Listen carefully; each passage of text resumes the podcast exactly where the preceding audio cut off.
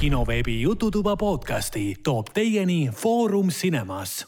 tere tulemast kuulama kinoveebi ametlikku Jututuba, ametlikku Jututuba kinoveebi ametlikku podcasti, kinoveebi Jututuba wow. tahad sa otsast peale alustada? ei taha, ei taha, see oli esimene, üle, esimene kord oli pikka aega, kus läks algus valesti. Läks meelest ära, mida sa teed ja? mis ma ütlesin, tahan, tere tulemast kuulama kinoveebi ametlikku Jututuba, jah? Tere! ja minuga koos on tänases saates üle pika aja Helen Šašmin.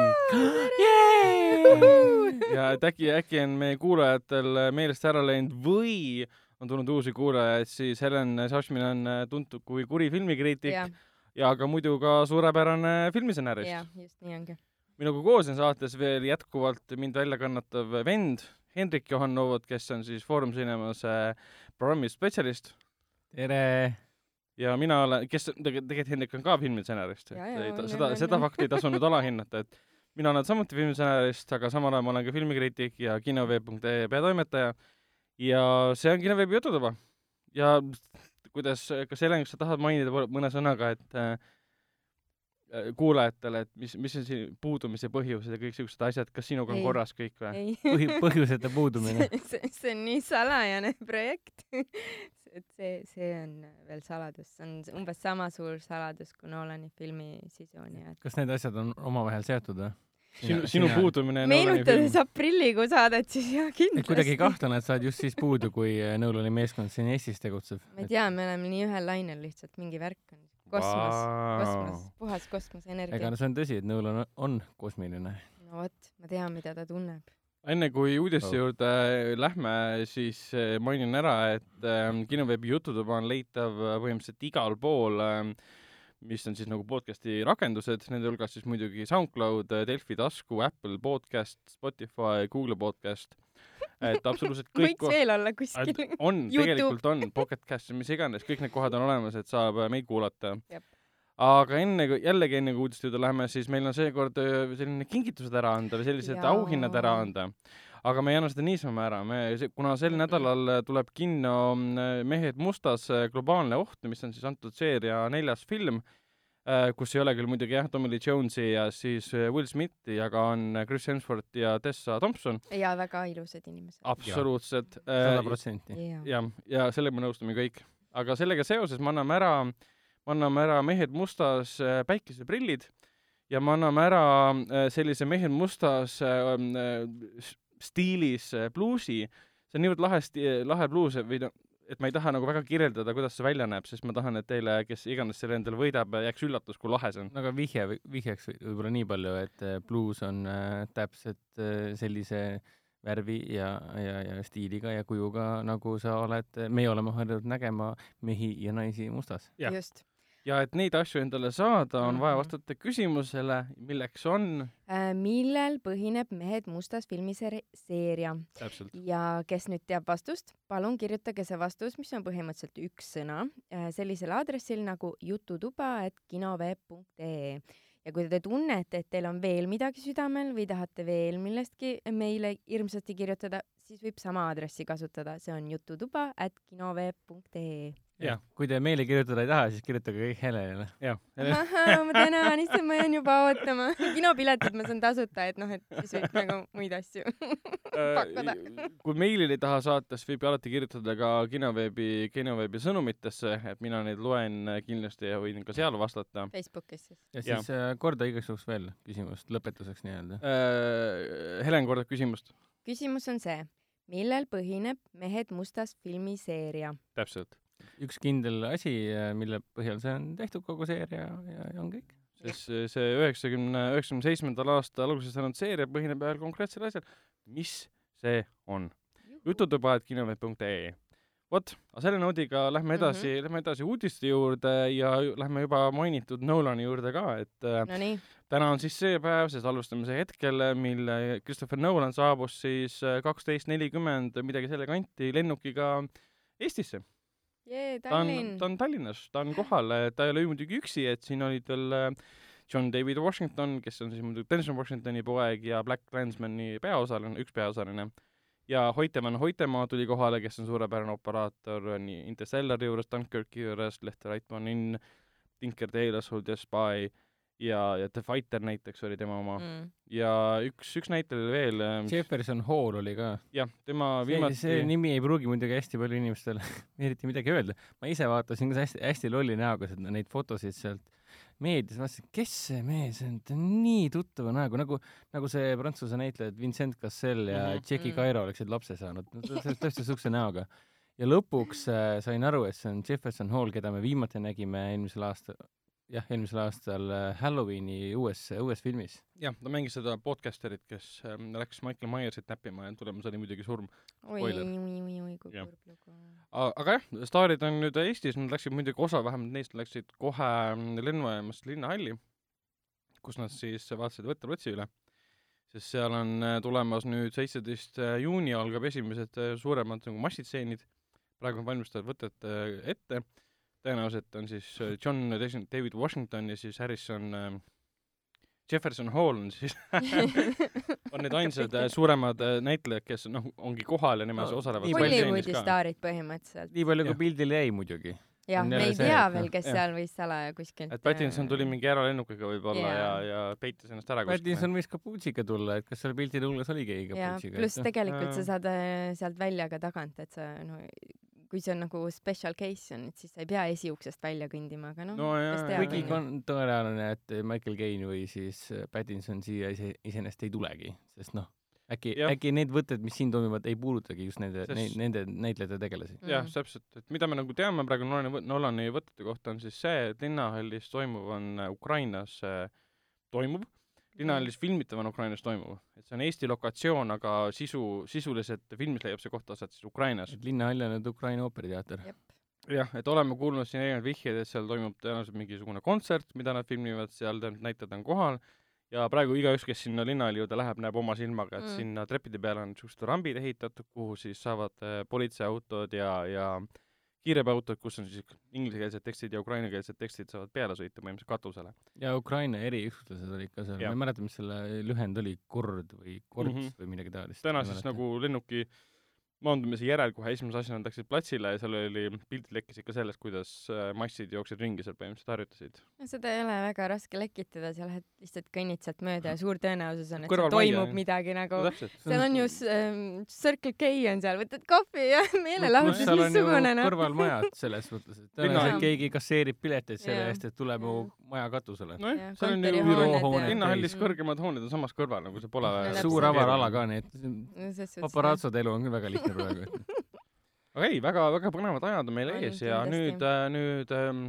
kuigi selle..., kuigi, kuigi see tekitab nii palju küsimusi ka, et millega Nolan siis tegelikult tegeleb, see on, me teame, et see on rahvusvaheline spionaaži põnevik, aga siis on meil Ukraina, Ukraina ooperiteater et miks just Ukrainas, kus on tänapäevane Ukraina Ukraina on nagu poliitilise konflikti hotspot nagu, mis, mis värk on Neuron, millega sa tegeled? see võib olla lihtsalt lokatsioon, lihtsalt lokatsioon ka, et mitte nagu sellepärast et Nolan ei ole nagu varem äh, otseselt poliitilisi filme teinud, tema kõige poliitilisem film on vist Dunkirk, mis noh, sõda on niikuinii poliitiline. aga no võib-olla see lihtsalt lugu on niisugune, mis nõuab seda, sest noh, Inception on ju, kuidas sa nagu põhjendad, et me lähme kellegi mõtetesse ja siis me lähme sügavamale ja sügavamale, sügavamale et noh, selles suhtes, et kes teab, mis see Ukraina siin, teema on, täpselt onju, see on mingi hetk ajaloos võib-olla kuskil onju, või, või siis see on mingi, ma ei tea, peatuspunkt millelegi. mis iganes, mingi rikas ja. tüüp kutsub ja. spioonid äh, kontserdile, mis iganes, et see mis on Ukrainas. nojah, aga see ei pruugi üldse seostuda nagu Ukraina ja, poliitilise olevikuga, mis praegu ja. nagu toimub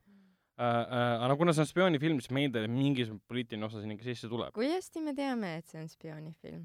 see on ametlik äh, see Teneti kohta, jah? jah, see tuli välja Brothers enda poolt, et see on äh, rahvusvaheline äh,, tähendab, spio-, äh, rahvusvahelistest spioonidest mm, räägib okay., ja kuna siin on seitse erinevat lokatsiooni, Mumbai mm, ja nii edasi, äh, vist oli, jah, Mumbai oli jah äh,, siis me eeldame jah, et see on mingi tohutu suur ja kestab neli tundi ja et äh, jah jah, ongi see kaks tundi ja nelikümmend viis minutit on juba nagu liiga lühikeseks muutunud, et äh, võiks nagu keevitada juurde umbes sama palju, et äh.... no muidugi, selles mõttes, et äh, pa parimad filmid on ikka pikad filmid jaa. see tunniks, tund kahekümneks ei lähe kinno ju, mis selle peale ei viitsi kodust väljagi tulla, noh. kolm tundi istud, nii tagumikku nii kange, et püsti tõusta ja ei. et see on ikka see. pärast roomad kolm... välja sealt kinost lihtsalt, noh. kolm korda WC-s käid vahepeal ja see on, see on kinoelamus vot.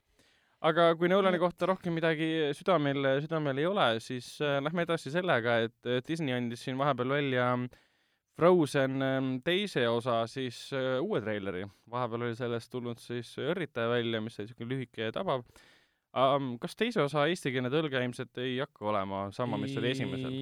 ametlikult pole teada, mis teise osa pealkiri on. see esimese osa eestikeelne pealkiri oli siis Lumekuninganna ja Igavene talv mm väga, väga pikk pealkiri võrreldes Frozeniga, aga nagu ei tulnud midagi sealt vist lihtsalt aga, aga nagu ilus pealkiri iseenesest. ta ju põhineb küll. ikkagi lumekuninganna muinasjutul mm -hmm. ja mhm. igavene talv ja kõik on nagu ja südames ja väljas ja noh, nii ta läks. aga noh, teises osas nagu talve nagu põhimõtteliselt ei olnud treileris kordagi? ma vist ei ole ei, seda, minu arust ka oli, ma kuskilt nägin vist pilte või midagi. Nad on suuremaks kasvanud, vaata natukene. asi läheb nagu äh, suuremaks selles suhtes mm., nad ronivad ikkagi oma, oma kodukantsist välja ja hakkavad reisima maailma teise otsa, et mingisuguseid äh, suuri avastamata äh, alasid avastada ja seal on äh, avastamata alasid avastada. Wow, eesti keel wow,. Nagu. ja, ja, ja kindlasti on ka suured sünged saladused seal äh, teoksil et uus treiler on tegelikult täpselt sama sünge kui eelmine, et noh, päris, ma kuulsin nii mõnestki kohast, et päris paljude jaoks oli esimene diiseltreiler ehk siis õrritav, õrritaja oli liiga sünge mm.. et noh, tumedates värvides ja niisugune epiline koor on seal taustaks, et noh, kuidagi ei ole nagu Disney lastefilm ju, et noh. no vot, nojah, võib-olla nad eeldavad äkki natukene seda, et nende publik on ka suuremaks kasvanud ja siis seal on nagu veits niisugune coming of age story onju. võimalik, aga noh, see on mina ei nagu üldse ei muretse. mina ka mitte. Disney, jaa, täpselt, siin never ei ole mingit äh, kurba lõppu või mingit katastroofi või ja, midagi on... siukest, noh. aga me ju kõik teame, mis nende, issand, mis peategelase nimed, Elsa ja Anna mm. -hmm. tubli. mis nende vanematega juhtus ju. Nad, laev läks põhja. aga me teame, et ju on, äh, on teooria, et kõik Disney filmid on samas universumis. ja millega algab Disney animatsioon Tarzanist? Äh, sellega, et on äh, ema, äh, mees ja naine on koos lapsega siis laeval, laev läheb põhja, vanemad saavad surma ja siis laps jääb maha yeah.. ja temast kasvab siis Tarzan. ja ühe teooria kohaselt ongi see Elsa ja Anna vanemad needsamad, kes olid laeval. ma mõtlesin Tarzan et neil oli, nad sünnitasid poja. vahepeal sünnitasid poja, jah oota, mida? samal ajal kui laev hukkus, siis nad sünnitasid? ei, ta oli, ta oli, tal oli, laps oli juba olemas selles Pikal, suhtes. jah. aga, aga Frozeni, esimeses Frozenis küll mingit lapse teemat ei olnud. ei no,, ei, ei. me ei tea, me ei tea, kui kaua see laev ei. merel oli, vaata. merel võib kõike juhtuda. merel võib kõike juhtuda. see on no. mingi melted pigem või ma ei tea. see on huvitav teooria, ma olen ka kuulnud nendest asjadest, et äkki siis Frozen kahes nad lähevad koos avastama oma kadunud nooremat venda või, või vanemat venda tähendab. kes elab džunglis või? kes elab džunglis. no teate, minge aga kõige tähtsam küsimus on see, kas Frozen kaks äh, suudab pakkuda äh, veel paremat lugu. olenebki stsenaarist. kui see, mis oli, ei, ma ei mõtle lugu äh,, nagu filmilugu. aa, sa mõtled laulu või? lugu äh, laulu. lugu laulu. lugu laulu, kui, äh, kui Let it go. mis oli nagu rahvusvaheline hitt, mida mina olen oma elus kuulanud liiga, liiga palju, palju.. Mm. ma seda filmi näinud ka liiga palju, aga mitte minust olenevatel põhjustel. ilmselgelt ei no see on Disney, nii et tõenäoliselt tuleb seal veel parem, parem laul kui enne. jaa, ma arvan ka, et tuleb, kindlasti nagu, tuleb kas.... äkki tuleb just helgem. äkki tuleb okay., äkki see Idina Menzel laulab jälle sedasama lugu äh,, mis enne oli. ja kes see tegi nüüd, mitte Anna, vaid selle Elsa häält? Kristjan Bell. jah ja., Bell oli. jah, täpselt. väga nunnu. jah, praegu toovad tagasi selle Veronika Marsi ka. no mingid jutud käivad, et varsti peaks tulema välja või midagi laadset. Mingi finaal seeria nii-öelda. ühesõnaga, see Oot. selleks. filmi Oleme... ootame veel paar aastat vist, onju? ei, see aasta tuleb välja. on ka? jah, detsembris. no peaaegu pool aastat Nice save, nice save aga mida me peame veel kaua aega ootama, on muidugi Denis Villeneuve film Dune või, või kuidas see eestikeelne pealkiri hakkab olema, ilmselt sama tüün, see ongi tüün uh,. mis põhineb jah siis um, vanadel, vanal raamatuseerial, millest kunagi ka David Lynch tegi filmi, millest ta hiljem muidugi lahti ütles, sellepärast et see oli kohutav saast, mille rikkusid ära produtsendid tema sõnul. aga nüüd siis uh, anti uus šanss, et teeme jälle okay.. ja siis Denis Villeneuve nüüd teeb seda ja väidetavalt, et sellest tuleb väga-väga-väga-väga-väga um, kuidas nüüd öelda um, korralikult raamatul põhinev film. et nagu täiesti nagu üks-ühele teeb maha. ja ta oli ju film või sari? film. film. aga nüüd talle siis öeldi põhimõtteliselt Lionsgate ja Warner Brothers põhimõtteliselt, et äh, kuule, aga lavasta meile ja aita meil teha siis ka Düni seriaali. aa, kaks ühes ju? jah, tema lavastab siis Düni, äh, Düni pilootepisoodi, mis räägib nagu Düni naistest või midagi laadset. pealkiri on Dune, The Sisterhood. jah, et mina sellest Düni maailmast tegelikult midagi ei tea peale mina selle, et mingid tohutu suured ussid roomavad äh, kuskil kõrbes ja seal on mingi tüüp, kes suudab neid juhtida ja seal on mingi poliitiline intriig ja ma tean, et need raamatuseeria on väga populaarne ulme- ja fantaasiakirjanduse no seal osas. on see Spice'id, see vürts või mis seal on, seal on see mingi hästi oluline maavara, mida kõik tahavad kontrollida. see on ülioluline ja üliväärtuslik ja kõik, maavara, mis paneb kõik liikuma selles universumis. Aga ainuke probleem on see, et see maavara saab, seda maavara saab kaevandada äh, planeedil, mis on tulvil neid tüüni äh, usse, neid Shai-Hulud usse mm., kes on tohutu suured ussid mm -hmm. ja ainult need kohalikud nii-öelda suudavad nendega okay. reaalselt koos eks eksisteerida ja teised impeeriumi äh, liikmed püüavad siis nii-öelda sõdida nende kohalikega ja samal ajal saada ka maavara kätte. no see kõlab täitsa mm -hmm. promising ju, et see, see, see võiks isegi äkki vaadata ühel hetkel kunagi tulevikus.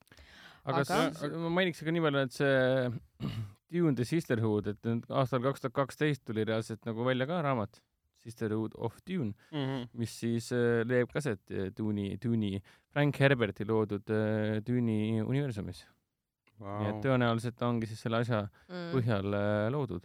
ja selle üks autoritest on ka Frank Herberti enda üks vanematest poegadest wow..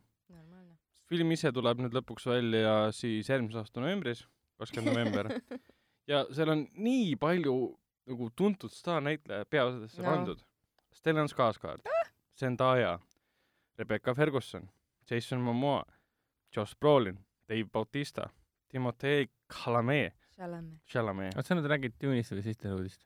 Dune'i filmist okay.. Oscar Isaac, Charlotte Ramping mm., äh, Javier Bardem wow.. Ähm, ah, ülejäänud on tundmatud kuule, siin oli ikkagi kümme mingisugust no, superstaari seoses sellega, missugune film oli Blade Runneri teine osa, siis Dune tuleb ikkagi metsik, metsik, metsik film. iga, iga sci-fi fantasy nördi unistus. ja, ja, ei Josh Brolin praegu jagab oma Instagramis videoid ka sellest, kuidas ta istub kuskil kõrbes ja näitab seda ümbruskonda, et see on oh. väga, väga, väga okay. huvitav ja põnev. mis on kindlasti veel huvitav ja põnev, on Tanel Toom no, tema, Tanel Toom on väga põnev. on, on, on, on. ja seda väga konkreetsel põhjusel, sest oi, tema oi. järgmine film ei ole Tõde ja õigus kaks. mis asja? ära aja. ei või olla. ei ole. meil on ju Indrek veel. Indrek on tehtud juba, sul polegi rohkem vaja. oota, aga Tõde õigus, no ta, ta peab ikkagi kõik, kõik viis ära tegema ju. ega see ei, jah, ei, ei saa niimoodi jääda. tema, tema teeb hoopis teistmoodi filmi. ennekuulmatu. et küll ta, ta on, ta on oma nagu Christopher Nolan selle koha pealt, ta teeb ühe filmi, mis kuulub seeriasse ära, siis teeb vahepeal ühe teise filmi ja siis teeb alles seeria teise osa. aa, et me peame öelda... ootama. Ragnar, kas sa tahad öelda, et Tanel Toom on Eesti Christopher Nolan. selleks on liiga vara võib-olla öelda, sellepärast et ta peaks tegema siis vähemalt üksteist filmi. jaa, aga see on nagu sa ütlesid, et Christopher Nolan tegi Batman'i seeria kolm tükki ja enne iga osa vahel ta tegi oma originaalseid filme jah, no loodame, et Tanel Toom teeb samamoodi, sellepärast et kui ta nüüd teeb ära oma ulmepõnevikku, mis nüüd äh, septembris läheb võttesse, äkki siis teeb kohe otsa, otsa siis, äh, siis Tõde õigus teise osa. aga mis, äh, mis film see on siis? jaa, septembris läheb see võttesse, selle filmi nimi on Gateway Six. see on inglisekeelne film, see on rahvusvaheline film. aga Eestis? Äh, osaliselt küll, ma usun, jah. ja seda Eestis aitab siis, üldse nagu aitab toota, on allfilm jälle, kes muidugi Tõde õiguse taga oli Legend, legendaarne allfilm. no nüüd, nüüd on küll legendaarsed juba, et aitavad Tenetit teha ka Nolani mm. jaoks. ja film ise on jah, see, ta ei põhine Toomi enda stsenaariumil ja lugu on postapokalüptiline ulme põhimõtteliselt on see mm.. ja nii palju, kui ma internetis leidsin, ma suhtlesin allfilmiga, et saada nagu infot selle filmi kohta, nad lubasid, et jagavad seda mm, kahe kuni kolme nädala pärast. ehk siis saame natukene rohkem sellest siis saame rohkem teada, sest mõned asjad olid seal, kui seda filmi nüüd praegu guugeldada umbes niimoodi, et leiate igasugust infot aastast kaks tuhat viisteist ja IMDB-s on mingid infod olemas, aga seda kõike infot tasub praegu võtta nagu selles mõttes with a grain of salt puhtalt sellepärast, et las allfilm kinnitab ära. tasub mm. soolaga võtta või? No selles mõttes küll, jah. no vähemalt minu arust mõned... Äh, suur äh, pluss on see, et filmil on, filmil on olemas IMDB leht, et üh, enamus ja. Eesti filme ei suuda seda mingil põhjusel genereerida, et äh, see on päris okei. või siis, kui Eesti filmidel see on, siis see on tühi ja seal ei ole mitte midagi Blank, please add your info. Pole raske nagu näitleja kirja panna või ei ole raske nagu postrit sinna panna no või pilte ju. panna. no on no. ju, sest sa pead kolmkümmend mingi dollarit kuus maksma no see ei ole no, see on, on väike summa nagu ühe maailma kõige popu-, ainsa võimsa popula-, niivõrd populaarse portaali juures. ma ei tea, milles et see on esimene asi, kuhu inimesed lähevad ja, peale, peale Vikipeedia. okei okay,, Vikipeedia lehekülg oleks kindlasti igal Eesti filmil mm. vaja. aga see aga... film tundub päris tuus puhtalt sellepärast, et äh, igalt poolt leiab selliseid sünopsiseid sellest ka, ühel äh, Berlinale äh, kodulehel oli ka see terve lugu põhimõtteliselt üleval, ma jätsin pooleli, sest ma ei tahtnud lugu teada.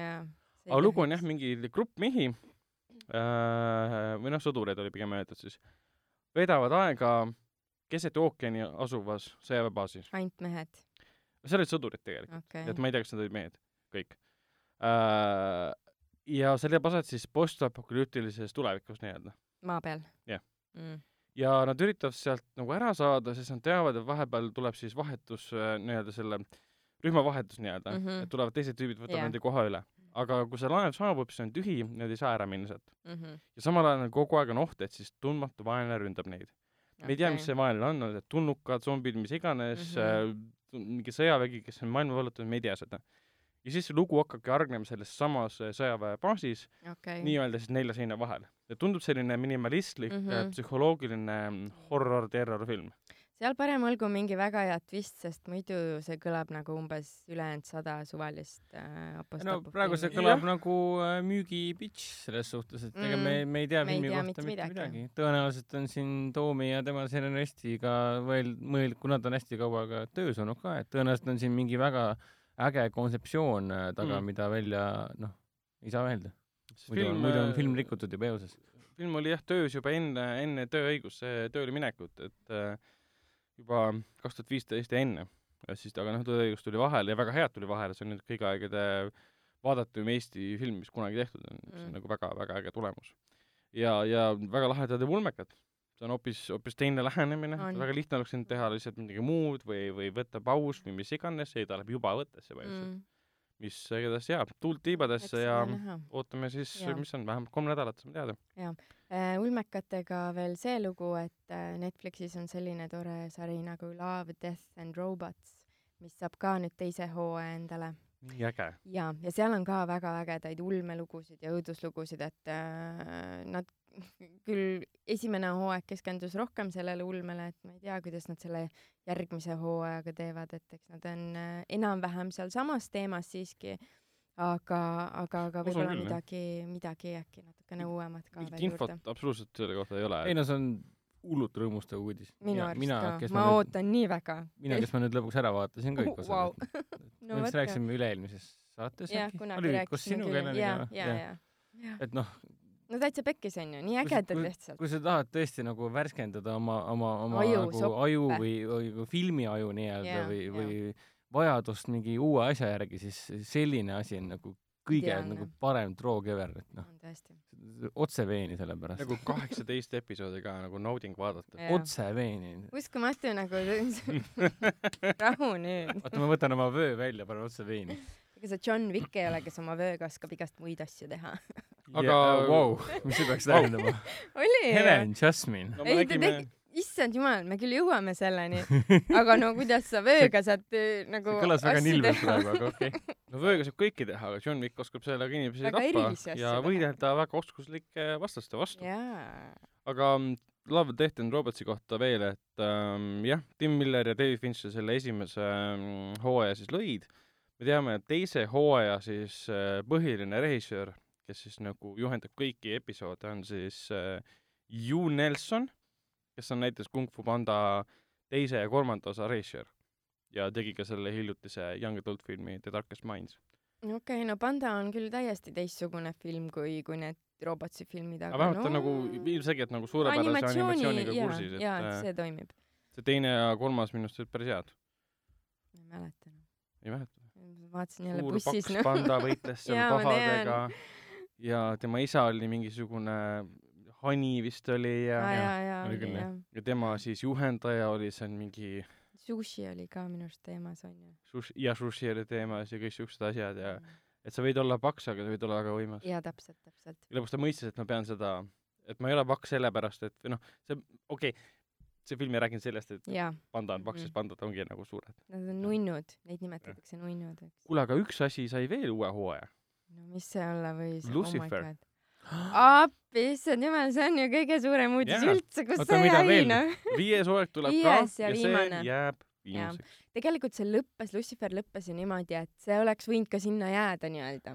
et, et noh, et okei okay,, et äh, seal oli nii siis põrgupool kui maapealne elu onju, et kõik said oma nii-öelda lahendused või noh, teatud mingisugused katarsised ja see oleks täiesti vabalt ka nagu võinud lukku panna, et noh, kõik elavad oma elu edasi nii nagu nad oskavad. aga see, kui see nagu põrguväravad siiski lahti jäid need ja nad meile viienda osa hooaja teevad siis äh, ma kujutan ette, et asjad lähevad käest ära, sest tegelikult neljas hooaeg oli natukene siukene seebiooper küll. see oli ja, väga meeldiv seebiooper. jaa, absoluutselt väga nauditav ilmselgelt, aga aga jah, et noh, nüüd, nüüd me siis tõenäoliselt saame teada, mis sealt nendest suheste rägastikust saab ja nende äh, kõikidest nendest rasketest asjadest, mida nad on pidanud läbi elama ja, ja, ja kogema ja oh ja mina olen väga rahul, et ta jätkub, sellepärast et aga äh, ma ei olnud valmis veel mitte, mitte nägema neljas... Tom Mellist Luciferina nagu no, täpselt, see neljas hooaeg läks nii kiiresti mööda ka ja, ja ikkagi mul oli tunne, et lõpus jäid mingid asjad nagu õhku. jaa, muidugi. et see Chloe ja siis, äh, siis uh, Luciferi pool... suhe, kõik jaa, see. jaa, pluss pool beebiingel nagu, come on ju. jaa, et see on lihtsalt ei no reaalselt seal oli nagu see üks koht, et, et nad vaatasid nagu kõhus selle mm, ultraheliga ja siis, et noh, et kas tal on tiivad ka või? jaa. jah. mis sarju te vaatate, ma ei saa aru? ta oli pool. väga kummaline, mis te teete. tõesti äh, põr-, põrgulikult seksikas seriaal mm.. et jah, väga, väga rahul ja see tuleb ka Netflixi ja, ja loodame, et Tom Mellise karjäär ei jää pärast Luciferi seriaali nagu seisma, et tema, temast ei saa ainult see tüüp, kes mängis mm. seal. et ta võiks vabalt jätkata mingites väga Mar Marveli iganes. filmides näiteks või, või mõni... siis äh, ulmefilmides või siis just siukestes post-apo filmides, et see ja. nagu nii hästi sobiks sinna lihtsalt. keegi võiks teha Devil's Advocate'i remake'i ja paneme no. Al Pacino asemel tema sinna peaossa no, näiteks, näiteks äh, koos Keanu Reavesiga. variante on ikka absoluutselt väga palju aga seriaalidest rääkides, siis äh, jätkame Marveli Loki seriaaliga, mis nüüd äh, vahepeal sai kinnituse, et jah, see leiab aset seitsmekümnendatel, Tom Hiddleston on tagasi, see tuleb siis Disney plussis välja, mis mm -hmm. on mhm. Disney enda Netflix põhimõtteliselt. mis omakorda lükkub käima siis novembris? jah, selle mhm. novembris mm, -hmm. Eestis kõigepealt muidugi mitte, sest nagu ikka kõik head asjad saavad alguse kuskilt mujalt. põhimõtteliselt küll. aga see on üks siis päris üks kolmest seriaalist, mis on siis tulemas seoses Marveli äh, maailmaga, et seal on see äh, Vision, WandaVision on üks seriaal, kus on siis äh, Scarlet Witch ja, ja Vision ah, ehk jah. siis Elizabeth Olsen ja siis äh, Paul Bettoni kehastatud mm. tegelaskujud, see on enda seriaal, keegi ei tea, mis ajal see leiab, sest me teame, et Vision sai surma ühel hetkel äh, Infinity Waris ja me ei tea nagu spoiler yeah.. aitab küll, nagu sassi, mitu aastat on möödas juba paar kuud või ja siis tuleb veel mitu see. mitu aastat? see oli kaks tuhat kaheksateist ju. mis aasta täna on? ei ole mitu. Spoileritel on mingisugune väärtus ka. väärtus või loogika selle koha pealt ka, et kui sellest on mingi aasta möödas, siis ma võin sellest nagu rääkida. nojah. et no iseenesest on tore jah, et see Disney pluss tuleb ja hakkab Netflixile koha kätte näitama, sellepärast et äh, sellepärast nad ju ära tapsidki kõik oma Disney, Disney Marveli seriaalid, äh, need äh, Netflixist, mis me vaatasime mm, kõiki. Arrow oli üks nendest minu arust ka. Arrow ei ole mitte kuidagi Disney. aga igastahes nad kinni, kinni ei, see oli see selle... kuradi, vabandust, Daredevil ja Jessica Jonesi viimane hooaeg tuleb ja kõik, noh, kõik need, millega nad nii palju kulda ja kõrda teenisid, sest absoluutselt iga inimene siin maamuna peal, isegi see, kes polnud veel sündinud, armastas neid seriaale, sellepärast et need olid nii hea, kvaliteetselt nii head, lihtsalt hästi kirjutatud puha, aga no ometigi said nad kirvest ja nüüd on muidugi selge, mille pärast, et noh, mm. noh, tuleb Disney pluss, nüüd on meil oma Netflix, et äh, Loki tundub iseenesest huvitav asi, aga olles me näinud äh,, olles me kõik kogu aeg näinud ju seda Endgame'i mm, -hmm. siis me ju mhm. teame, mis äh, Lokiga juhtus äh,. ta ju äh, hüppas oma sellesamuse igavikukiviga kuskile minema ja rohkem teda seal Endgame'is ei näinud, et äh, kuidas äh, arusaadav on see, et kuhu ta hüppas, ta hüppas omaenda seriaali, see on nagu loogiline. aga, aga kuidas ta seda tegi, seda me saame siis tõenäoliselt üsna pea, pea teada, kui uued, uus info välja no see on, muidugi see on kaval jah, filmist ähm, ta suri nagu ära Infinity Waris ja siis Endgame'is me põhimõtteliselt äratame ta uuesti ellu, et oleks põhjus, et oleks võimalus luua seriaal tema põhjal. ega nad ellu ei äratanud, läksid lihtsalt minevikku seal, kus ta elus oli. nojah, aga miks ta leiab aset, miks ta leiab aset seitsmekümnendatel? väidetavalt seitsmekümnendatel jah. mis lekkis, äh, seal taustal on näha, et äh, Jaws on praegu kinodes okay. mis ilmus äh, seitsekümmend viis mm. ja, ja miks ta seal on või, või millega ta tegeleb. vahepeal tekkis mingi info, et film, see seriaal hakkab aset leidma siis nagu ajalooliste sündmuste ajal, millega Loki on seotud mm.. aga see oli ju see Timestone ehk siis see aja igavikukivi yeah., mille ta endaga kaasa võttis, nii et kui tal on aja igavikukivi, siis ta võib teha, mis ta tahab ju. aga, aga, aga tegelikult mitte sellepärast, et Neid saab kasutada koos ainult ju. kas see see on see, see on see, et äh, kuidas need reeglid paika on pandud, vaata meil Endgame'is nad ju reaalselt tegid ma ei aja... ole endiselt näinud seda. Endgame'is nad tegid reaalselt, see on spoiler nüüd või? Ma ei tea. see on ikka veel kinos kusjuures. ma tean, selles suhtes, et võib-olla äkki keegi igal veel igal õhtul pärast kaheksat on, igatahes äh, nad tegid siis me ei spoili äkki Heleni rohkem. jah, jätaks nagu selle variandi. ma ei räägi nagu- siis midagi, aga nad tegid selle asja, eks. Nad ja. tegid hästi palju vaeva ja sinna, sinna tal järsku siis Timestone ja, ja, ja see justkui lahendab probleemid et see ei, ei tohiks tegelikult nii lihtne olla. aga ta on Loki. jah, ta on, mis ta on, God of Mischief. Trickster, täpselt. et selles suhtes, et noh. see on see Marveli, Marveli argumendid. Sest, sest nii on. mina kirjutasin nii, nüüd on ja. niimoodi, vaata. et on seitsmekümnendates, aga kuidas ta sai sinna? mis küsimus see on? Pole sinu asi, vaata. see on nagu need, nagu need väga suurepärase, üks suurepärane Youtube'i kanal on see Screen Rant, aga Screen Rantil on selline videoseeria, kus on siis äh, pitch meeting ud. Pitch meeting, kus mm. siis üks ja sama tüüp mängib siis stsenaristi, teine mängib stuudiojuhti ja stsenarist siis pitch ib äh, stuudiojuhile filme mm. -hmm. aga nad teevad seda umbes niimoodi, et nad on filmi juba ära näinud ja räägivad siis äh, stsenaariumist, mis on täiesti jabur, rumal, idiootlik. Ja siis stuudiojuht mingi, oh I like that, I like that, I like money see on see, noh, stsenarist, kontseptsioon seisneb selles, et tal, neil oli vist sajas episood tuli vist hiljuti välja. Ja siis nad nagu selgitasid ka seda kontseptsiooni, et stsenarist on see, kes pakub neid ridiculous ideesid. Ja siis see stuudio executive mingi on see eriti eager, entusiastlik mingi mm -hmm. I like that, that is tight, let's do that. Ja. ja siin selle Lokiga on samamoodi, et oota, aga kuidas selle Timestone'iga siis saab ajas rännata mingi ja siis, siis see stsenarist küsib, et oota, aga I need, I need you to back off mingi, sa ei pea neid küsimusi küsima mingi ja siis see produtsent mingi that's tight, I, won't ask again, okei okay,, let's move on. et nobody cares, et aga jah, see, mis Loki seriaal tuleb, Wanda, WandaVisioni seriaal tuleb ja siis tuleb see mm, Sebastian Stani ja Anthony Mackie seriaal ka. kus siis äh, mis selle nimi on äh,? Falcon või? kus siis Bucky ja, ja Falcon on koos mingi buddy cup asi, kus nad tegutsevad, teevad mingeid asju. see kõlab nii halvasti. kas sellel on pealkiri ka või? ei, minu arust ei olnud aga ta oli, ta oli kas Bucky and Falcon või midagi laadset või lihtsalt Falcon? Falk, praegu on nagu Falcon and Winter Soldier. jah, täpselt, Falcon Make and Winter Soldier, nemad on koos ja tegelevad seal mingi mis iganes asjadega. aga rääkides zombidest see on see hetk, kus te, kus te peaksite küsima, et mis mõttes zombidest. mis mõttes zombid uh,? Igal pool on zombisid. tule, tule mu turjalt maha, ära küsi mu käest neid imelikke küsimusi. rääkides zombidest, siis uh, Rob Zombie on tagasi jaa, kas ta, mis mõttes tagasi, kas ta on kusagil ära andnud või? ega ta väga aktiivne, aktiivik ei ole ju tingimata olnud. mina ei, filmide koha pealt jah, muusika koha pealt ma ei ole ammu ühtegi Rob Zombie albumit kuulanud muidugi.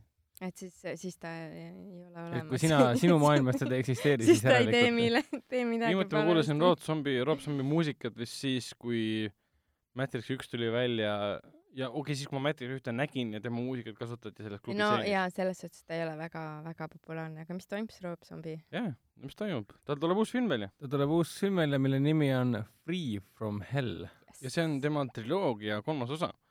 triloogia, mis koosneb filmidest nagu Tuhande laiba maja ehk siis House mm -hmm. of mhm. Thousand Corpses mm -hmm. ja siis The Devil Research. ja see on siis selle seeria kolmas osa, needsamad tegelased, kes olid esimeses kahes. mis räägib kõik siis mingisugusest väärdelikust hullumeelsest perekonnast, kes veedavad aega põhimõtteliselt mitte ainult kuritegevust tehes, vaid ka inimesi tappes ja oleb sarimõrvarid, mõrvarid umbes. räme, räme siukene splattercore, hullumeelne, vägivalda, sadistlik film. no selge, ootame siis natuke selles suhtes, et uh, House of Thousand Corpses oli omal ajal ikka päris metsik ja ta on hullult crazy film uh,. see oli ikka totaalne vaata B-film. zombi, zombi teab, mis ta teeb, et mm. Devil Reeseks läks, minu meelest läks nagu teist rada juba, ta läks väga tõsiseks nii-öelda. Noh, muidugi ta tegi need Halloweeni filmid ka vahepeal ja zombi on üldse väga asjalik tüüp olnud siin. teeb, mis tahab, noh. Salem, Lords of Salemi tegi vahepeal oma naisega, kui ma nüüd ei eksi. Sherry Moon Zombie on ta naise nimi et mina, see on nagu vähetuntud äh, triloogia nüüd, nüüdse, praeguse mm. seisuga mm., aga, aga filmi fännidele või žanri fännidele on see paras, paras komm. ja, ei, tal on ikka tohutu, tohutu fännibaas. muidugi on. Aga tohutu fännibaas on ka näiteks äh, Bill Murray filmil Scrooged, mis on siis kaheksakümne kaheksanda aasta film, see on Amazon Video Prime'is ka olemas, ma vaatasin selle hiljuti, mitte hiljuti, aasta tagasi ära. Äh, väga äge jõulufilm, eriti okay. kui sa oled nagu Bill Murray fänn ja kuna ta põhineb Charles Dickensi algupäraselt sellel jõululool, see Christmas Carol ja siis mm -hmm. nagu uuendati ära leiavad tänapäeval kõik see, siis on eriti kummaline see, et Paramount andis teada, et Kevin Hartiga siis tehakse sellest samast filmist mitte äh, Dickensi sellest loost, vaid sellest samast filmist tehakse remake'i. no. see on väga absurdne, et nagu miks, see on umbes sama absurdne, kui sellest äh, Üks pluss ühest äh, tehti uus versioon The Upside ehk siis ootamatu sõprus eesti keeles no,. Kevin Hart jälle peaosas. minu arust ei ole see enam üllatus, et see vaimuvaegus on neil aegu, aja juba pikka aega peale, et noh, selles suhtes, et noh. selles mõttes veider, et kui mina oleksin see inimene, kes on selles positsioonis, kes mõtleb, et võiks teha mingi jõulufilmi, sa ei pea võtma Scrooge'i ju. aga näed, nemad teavad no,. võta seesama Christmas Carol ja mõtle oma variant sellest välja. ma tahaks, tahaks näha seda diskussiooni, et kuule, lähme teeme selle teeme Bill Murray kaheksakümne kaheksanda aasta Scrooge'ist, teeme uus versiooni ja siis produtsent mingi okei okay. okay.. Ma ei viitsi vaeva näha, davai. see kaheksakümne okay. kaheksanda aasta film, äh, mis oli hullult hea, jah, okei okay.. mis teenis pool tagasi oma eelarvest. ei, tähenda, okei okay.. kolmkümmend kaks miljonit okay. Äh, oli eelarve ja kuuskümmend teenis, et äh, mis need argumendid on tegelikult, et seda teha? okei. kas, kas see on siis ainult sellepärast vajalik, et me saaksime uudistesse panna pealkirja, et Bill Murray yeah., et see sõna Bill Murray on seal sees, et Bill Murray pluss Kevin Hart. ja meil oli just ju Bill Hurry, Hurry.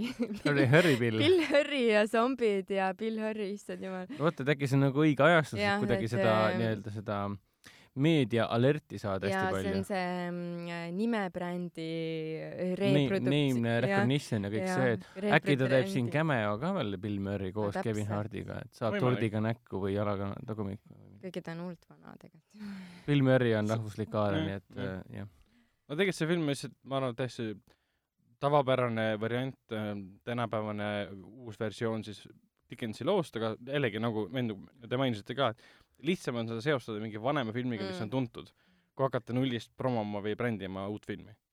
see Scrooge ei ole nii tuntud ka. ei, minu arust ka ei ole. ta ei olnud kinodes edukas, aga temast on saanud Bill Murray fännide ja üldse no, jõulu, jõulufilmide fännide hulgas päris suur äh, kultusfilm selle koha pealt. sama hästi võiks mingi Charmus'i Broken Flowers'ist teha uus versiooni, sest noh milleks? Bill Murray. Ghost Dog, Way of the Samurai'st no,, sellest tuleb remake teha. paneme Kevin Harti sinna selle Forest Whitakeri asemel. Forest Whitakeri asemel, jah. see üks alahinnatumaid vist äh, Jim Summersi film üldse mm. -hmm.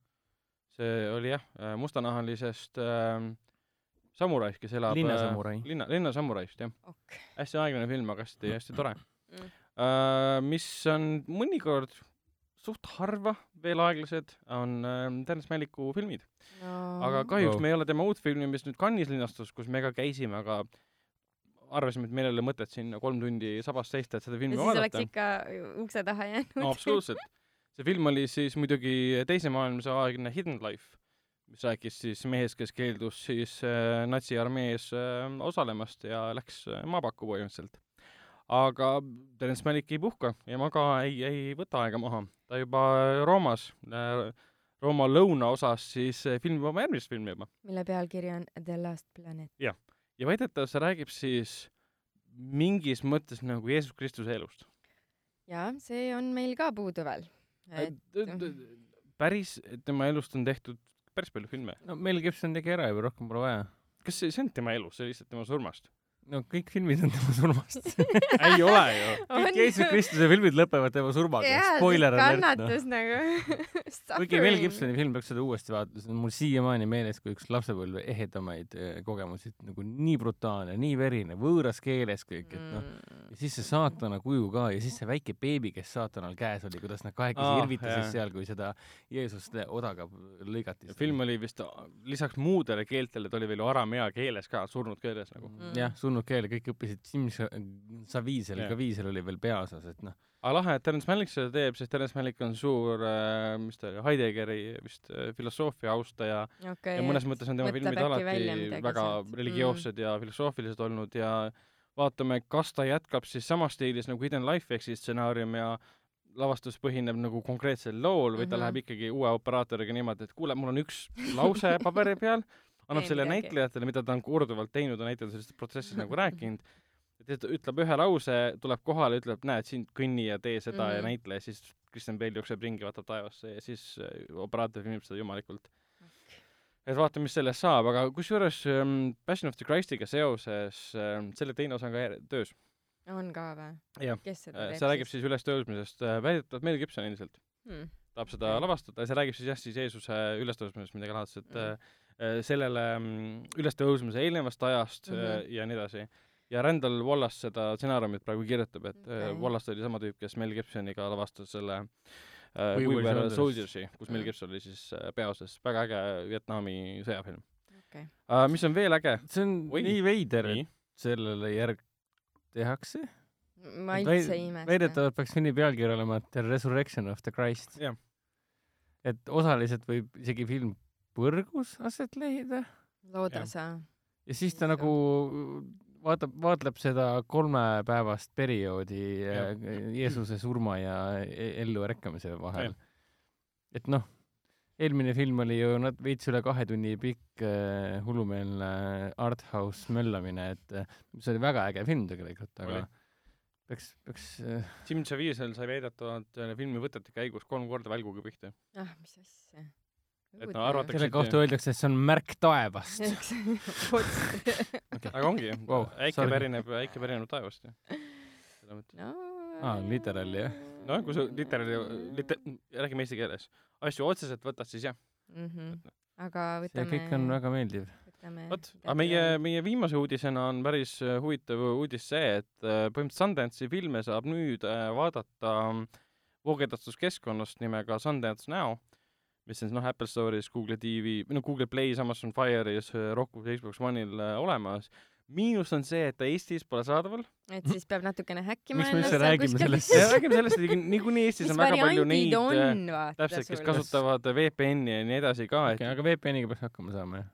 põhimõtteliselt jah ja. et noh, ma eeldan ka, et väga paljud Eestis kasutavad tegelikult Netflixi vaatamises ka VPN-i puhtalt sellepärast, et valik on suurem. no täpselt, logid ennast mujale ja terve suur maailm avaneb sulle sinu ees ja Sundance'il siis on, Sundance on üks maailma kuulsamaid filmifestivale, kus on siis igasugused äh, suured hittfilmid, hittstaarid tulnud ja, ja indie-filmid, igasugused kunstifilmid ja kes vähegi tahab ennast harida või ma ei tea, meele lahutada, mitte mingite superkangelaste seltsis, siis, siis Sundance, ma arvan, kindlasti see oleks hea koht.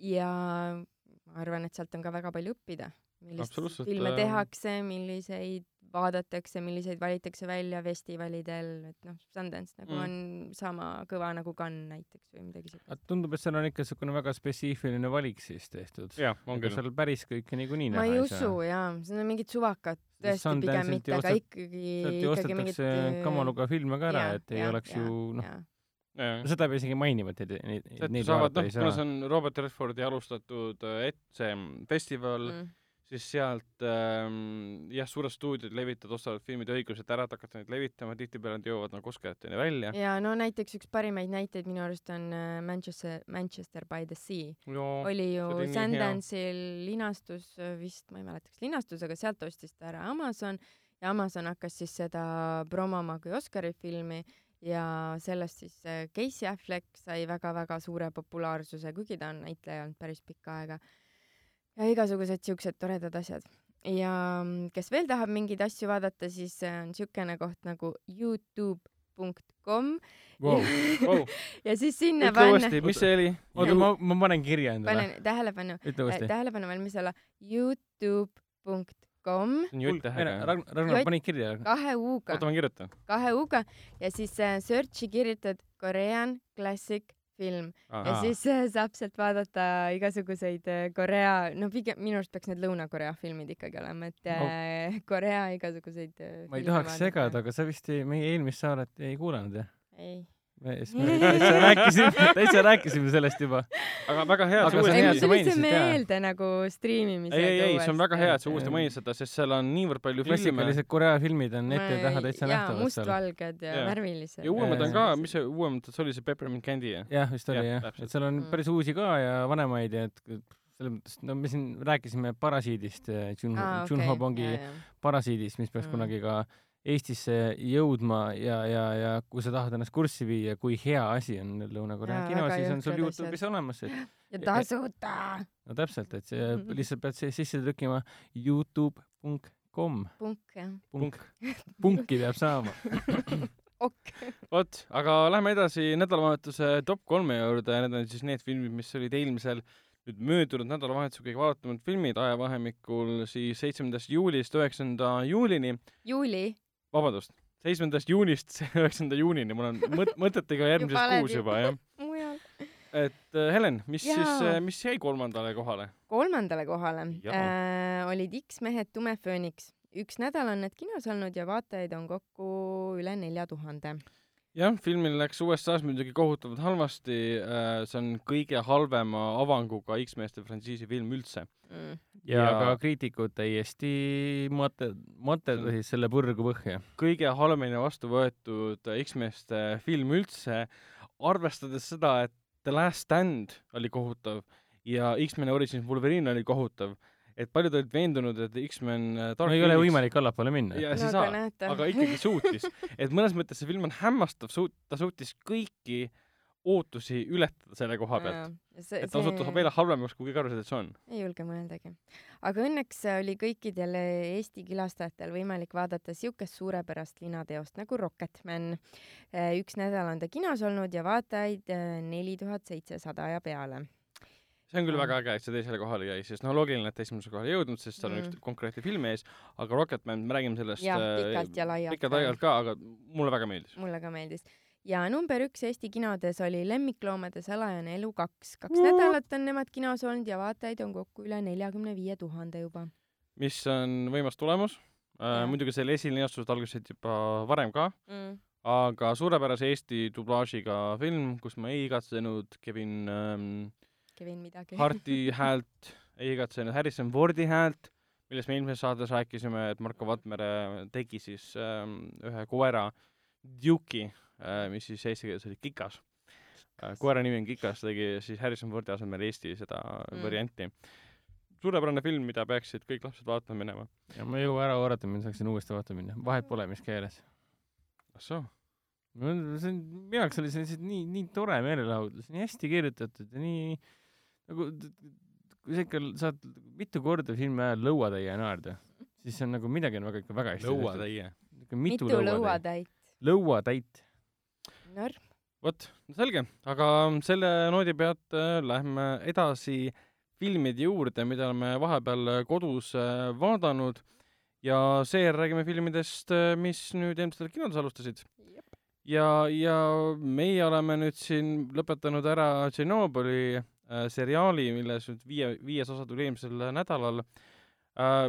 oli väga hea seriaal äh,, Päevalehes äh,, Päevalehe veebis ilmus ka selle arvustus minu poolt. äh, Äh, kiidan Toevani, jah, seal mõned asjad olid äh, ajalooliselt ja võib-olla teaduslikult valesti kujutatud, aga see oli kõik nagu, ma nagu eesmärk püüdsev abinõu selle koha pealt. Ja selle asemel, et ta oli nagu, ta oli üle võimendatud mõned asjad, aga üle võimendatud selle koha pealt, et mõni asi oli muudetud jubedamaks, haigemaks ja rõvedamaks ja ohtlikuks, ohtlikumaks, kui see oli no eks noh, niimoodi aga... peabki, et sa ei saa lugu ja. jutustada nii-öelda filmi või telekeeles, kui sa nagu üks-ühele kõike teed, et see on nagu niisugune natukene paratamatus aga, selles no, meediumis. täpselt, tihtipeale sellised seriaalid, mis kujutavad nagu tõsielulisi sündmuseid äh, nagu see, siis äh, võimendavad asju üle hoopis teise nurga alt. jaa, seda kindlasti, sest mina vaatasin mingil PÖFFil ma ei mäleta, kas see oli Eesti või see oli Ukraina või kellegi dok, ta igastahes Tšernobõlist oli ja no seal oligi see, et seal noh, pandi üks onu kaamera ette ja siis ta rääkis ja siis mm -hmm. näidati mingisuguseid ülesvõtteid ja ja filmimisi, et äh, kus mis toimus samal ajal, kõik oli hästi-hästi masendav loomulikult ja noh, nii edasi onju. aga, aga see noh, ongi dok nagu peabki olema selline mustvalge, ütleme niimoodi. sari no, saabki olla natukene rohkem kirjum ja siukene võikam selle koha pealt, nii et jaa.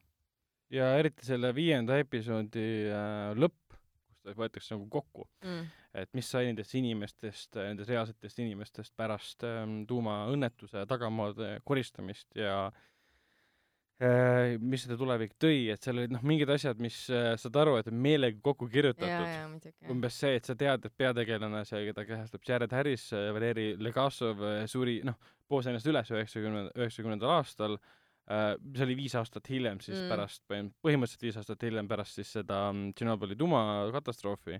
ja siis seriaalis on meelega pandud siuksed lau laused sisse, kus Valeri Legasov ütleb siis Boris Tšerbinale, keda mängib siis Stellan Skarsgård mm., äh, kes üldse ei, või noh, ta ei mõista veel selle olukorra ohtlikkust.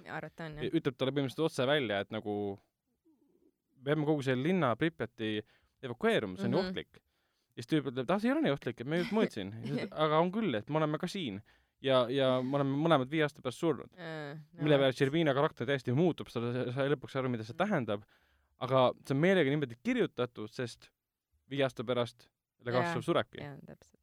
ja põhimõtteliselt viie aasta pärast ka Tšervina sureb. Mm.. see lause pandi sinna meelega sisse, siis kui inimene vaatab Vikipeediat, millal need okay. inimesed surid yeah., issand, oligi viis aastat, aga kas ta päriselt seda ja, ütles Tšervinale seal Pripjati hotellis kuskil yeah mitte, aga dram-, dramaturgilise niisuguse mm. võttena ja niisuguse tõsiduse näitamisena ideaalne vahend mm.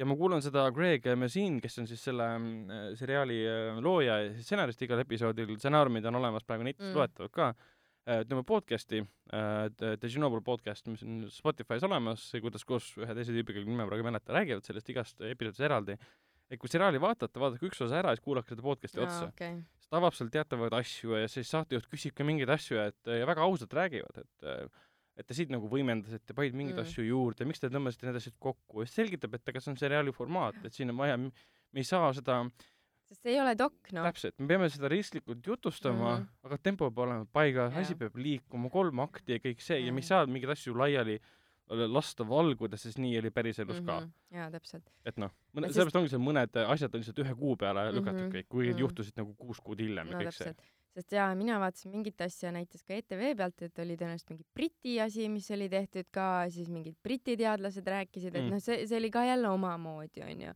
et ta oli võib-olla natukene, natuke rõõ-, rõõmus on vale sõna, ta oli nagu natukene äh, teaduslikum kui need mingisugused muud aga ikkagi nagu ta noh, nagu tegi ikka väga selge pildi, et nagu väga-väga mm. pekki läks ja. kõik. ja Chernobyl saab selle hirmutamisega väga nagu väga hästi hakkama mm.. selle koha pealt endal on ka nagu vastik seda kohati vaadates ja ja nagu, nagu sa vaataksid õudukat või siukest räpast horrorit. ja see kõige nagu. hullem on see, et see tegelikult oli päris, onju.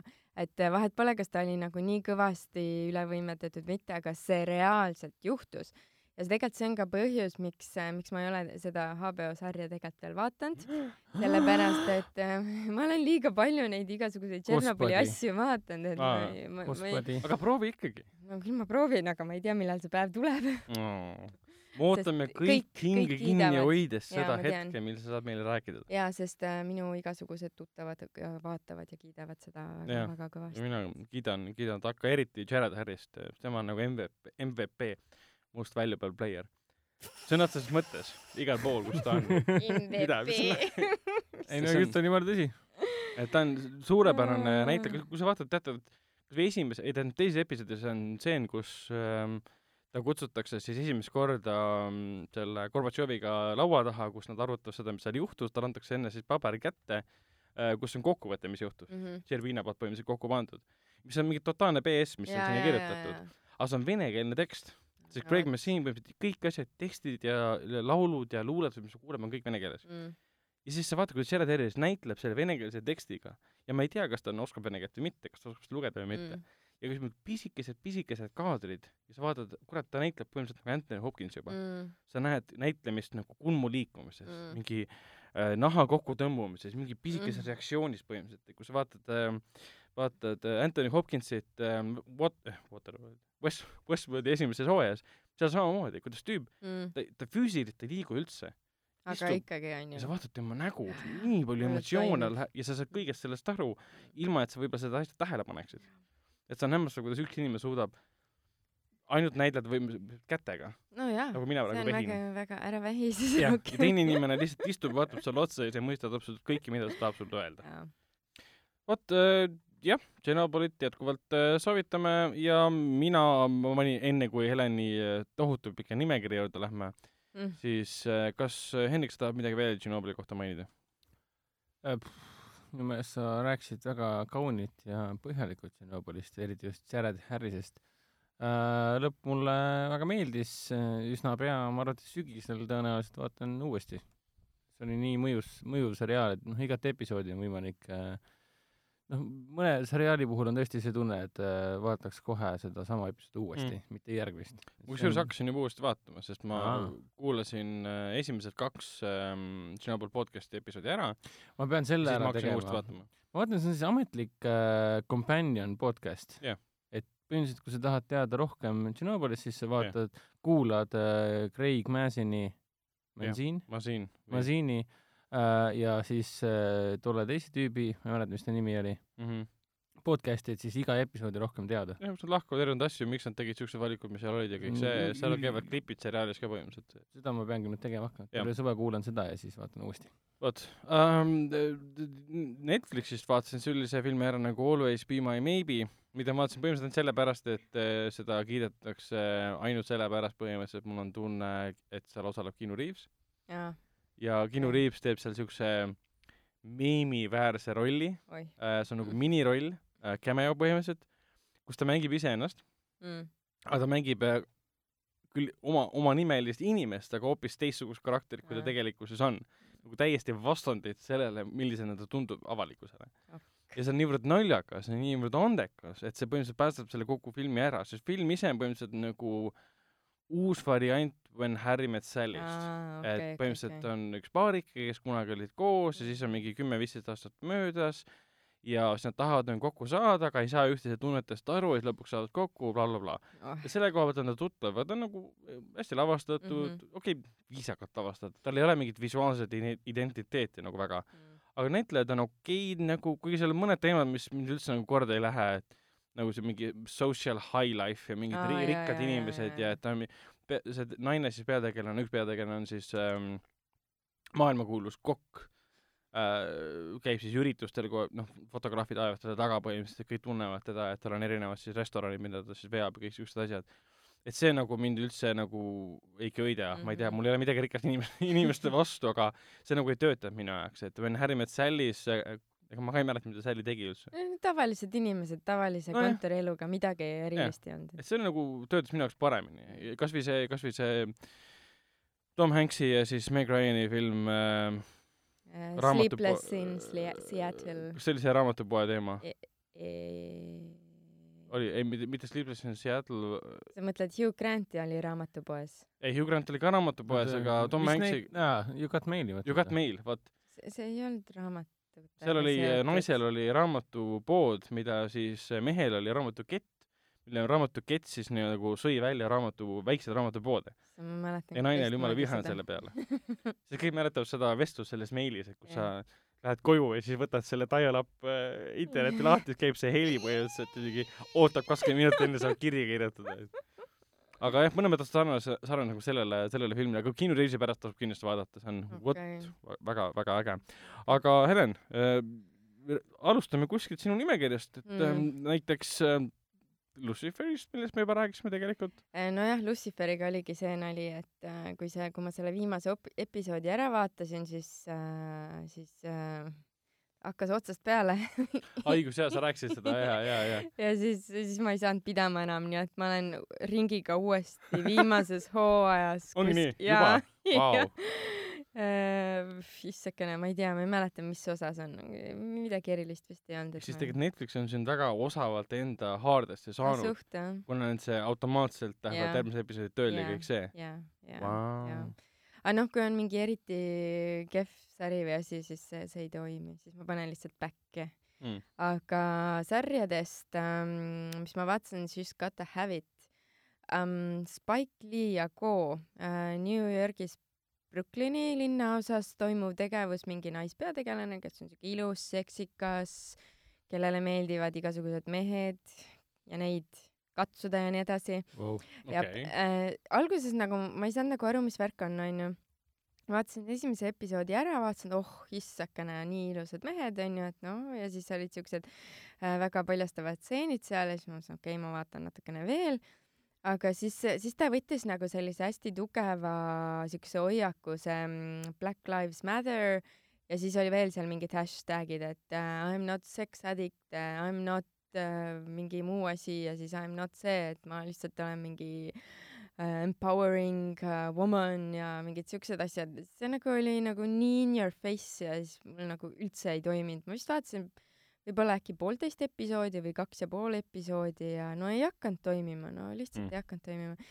ja siis ma mõtlesin, et ah, las ta siis olla seal, et see ei olnud see ei olnud ligilähedalegi nii äge, kui oli see Chewing Gum, see üks, üks äh, UK sari, mis äh, on ka Netflixis saadaval.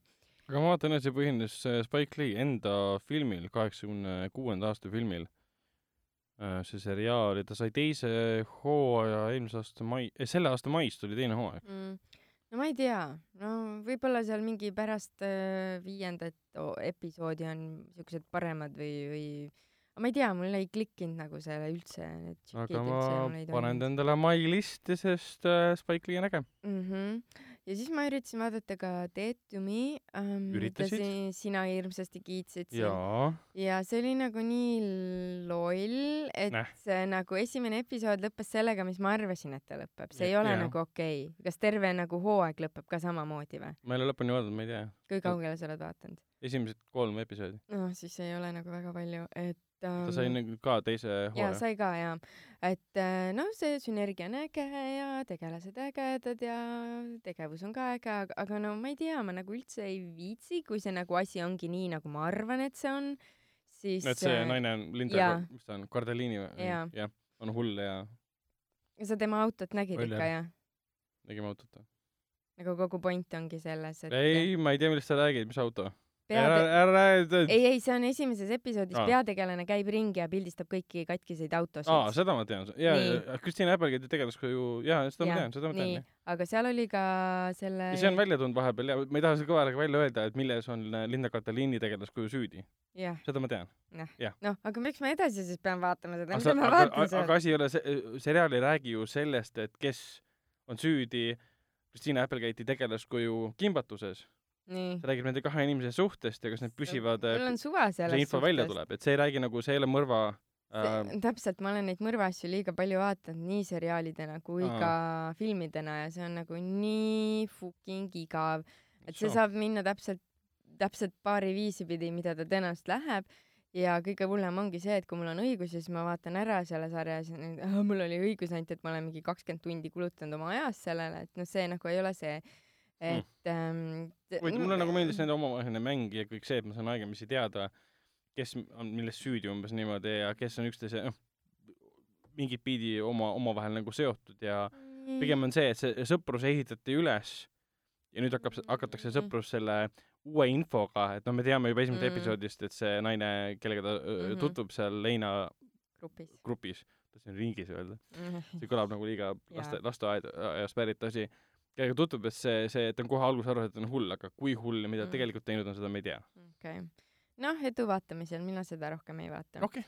Äh, ja kahjuks ei saa ma rohkem vaadata ka RuPaul Drag Race'i üheteistkümnendat hooaega, sest see sai läbi äh,. võitis selline drag queen nagu Evie Oddly, kes on siis ähm, ma ei oskagi öelda, ma, ma ei oska. ta oli hästi äge läbi terve hooaja, mul oli kaks lemmikut üks oligi tema ja teine oli üks äh,, okei okay,, kolm lemmikut üks oli tema, siis oli üks äh, nii-öelda hästi suur, suure kondiga tüdruk ja siis oli äh, üks äh, hästi suure suu ja hästi suure jutuga mm,, äh, mis ta nimi nüüd oligi? Vanji. Vanji, okei, okei, okei. et äh, aga kuna see Vanji langes päris ammu juba välja, et siis nagu ei olnudki eriti valikuid, et kes seal võidab, aga tema nüüd võitis tema sai sada tuhat dollarit, make-up'i ja siis mingi ringturnee mm -hmm. mööda Ameerikat ja maailma.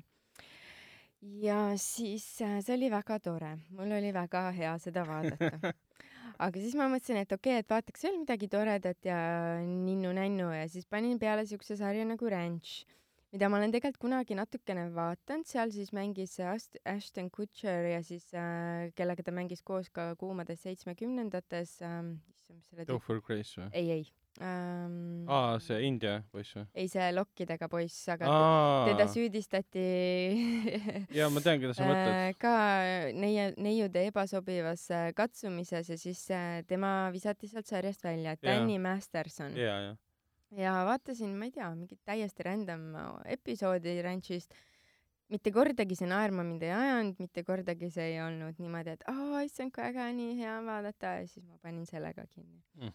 ja siis wow. mul oli üks asi nii-öelda võlas äh,, üks film, mida, millest kõik alati kogu aeg igal pool räägivad, kaasa arvatud filmisaidid ja filmikoolid ja nii edasi, et hirmus legendaarne film Princess Bride jaa, on väga legendaarne. ma ei mäletagi, mis aastast ta oli, kaheksa, kaheksakümmend midagi.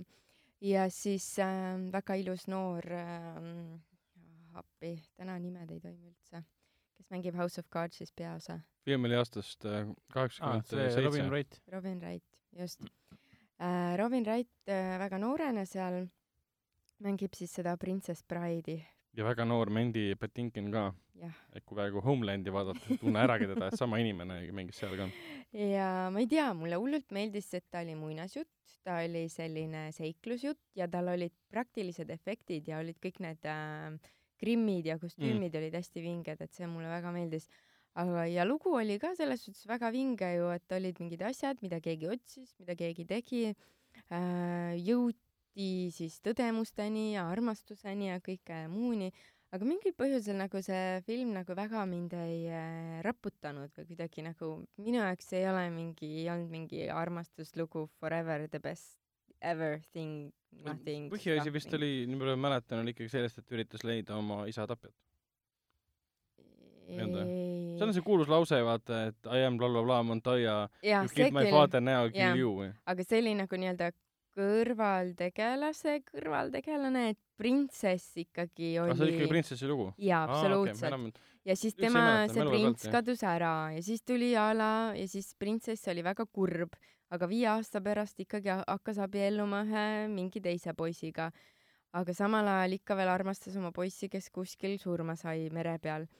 ja siis äh, selguski see asi, et siis äh, printsessi uus äh, mees, et tema nagu käsilane oli üks pahalane, kes oli ära tapnud selle kõrvaltegelase isa mm. -hmm. et, et siis jah, tema seal kakskümmend aastat haudus kättemaksu ja siis noh, jah, muinasjutt ikkagi. ehk siis see ja. ei olnud äh, klassikalisest äh, väga armastatud filmist sillas? ei olnud üldse jah, ma ei tea hmm., kuidagi ei tõmmanud käima um,. nii, mis, ühesõnaga noh, see oli nii, nagu ta oli.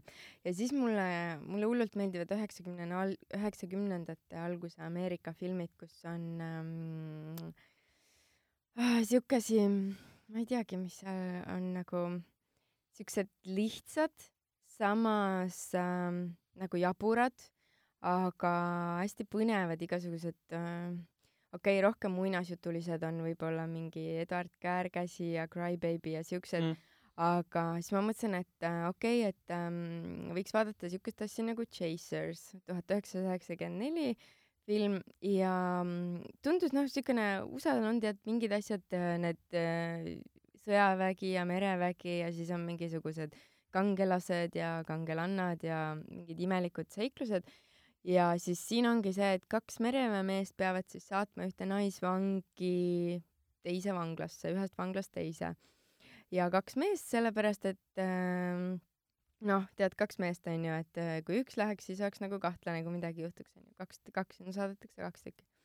ja seda naisvangi mängib siis Erika Elenjak, kes kunagi hästi ammusel ajal hästi-hästi populaarne ja hästi siukene sekssümbol enam-vähem, midagi siukest rannavalves mängis minu arust. siis mõtlesin, no davai, et noh, et ega see nagunii hea film ei ole, aga noh, kui halb ta ikka olla saab oli väga halb väga,, väga-väga halb oli.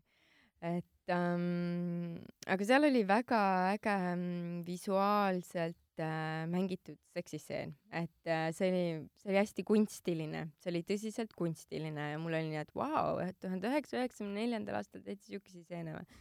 Et siis nagu oli see, no siis nagu ei huvitanud nii väga kõiki, et kaamera ees see oleks, ei olnud nagu põhiteema tegelikult ju. Ja jah, mõne, mõnevõrra küll. et äh, alates võib-olla Basic Instinctist tuli see, et äh, oh, et paneme mingi seksika naise tegema mingeid seksikaid asju, see on hullult äge, siis tuleb popfilm, vaata. Sharon Stone. Aga aga, aga see film oli nii kohutavalt halb, et ma lihtsalt äh, mõtlesin, et kuidas see võimalik on nagu see lugu oli olematu, kusjuures äh, minu arust loo stsenaristid äh, või üks nendest vähemalt on küll väga-väga palju head stuff'i kirjutanud pärast seda. ma nüüd ei mäleta peast, kes see oli, aga minu arust tal olid igast populaarseid filme mm, pärast seda just. Aga noh, võib-olla oligi siuke näpuharjutus, et oo oh, näed. filmi stsenarist on täiesti juhuslikult sama inimene, kes kirjutas stsenaariumi filmile Blown Away, millest ma rääkisin eelmises saates. no vot Äh, Jeff wow, Bridgesi ja Tommy Lee Jones'iga, et ta kirjutas ka mm, issand Windtalkersi, mis see oli, John Woo film, äh, stsenaariumi ja ega Nicolas ta siin Cage oli selle peaosas. karjääri jäi ta seisma kaks tuhat kolmteist, mil tema viimane stsenaristi töö Bonnie ja Clyde'i nimeline miniseriaal mm,. Wow. see ei ole kindlasti ka asi.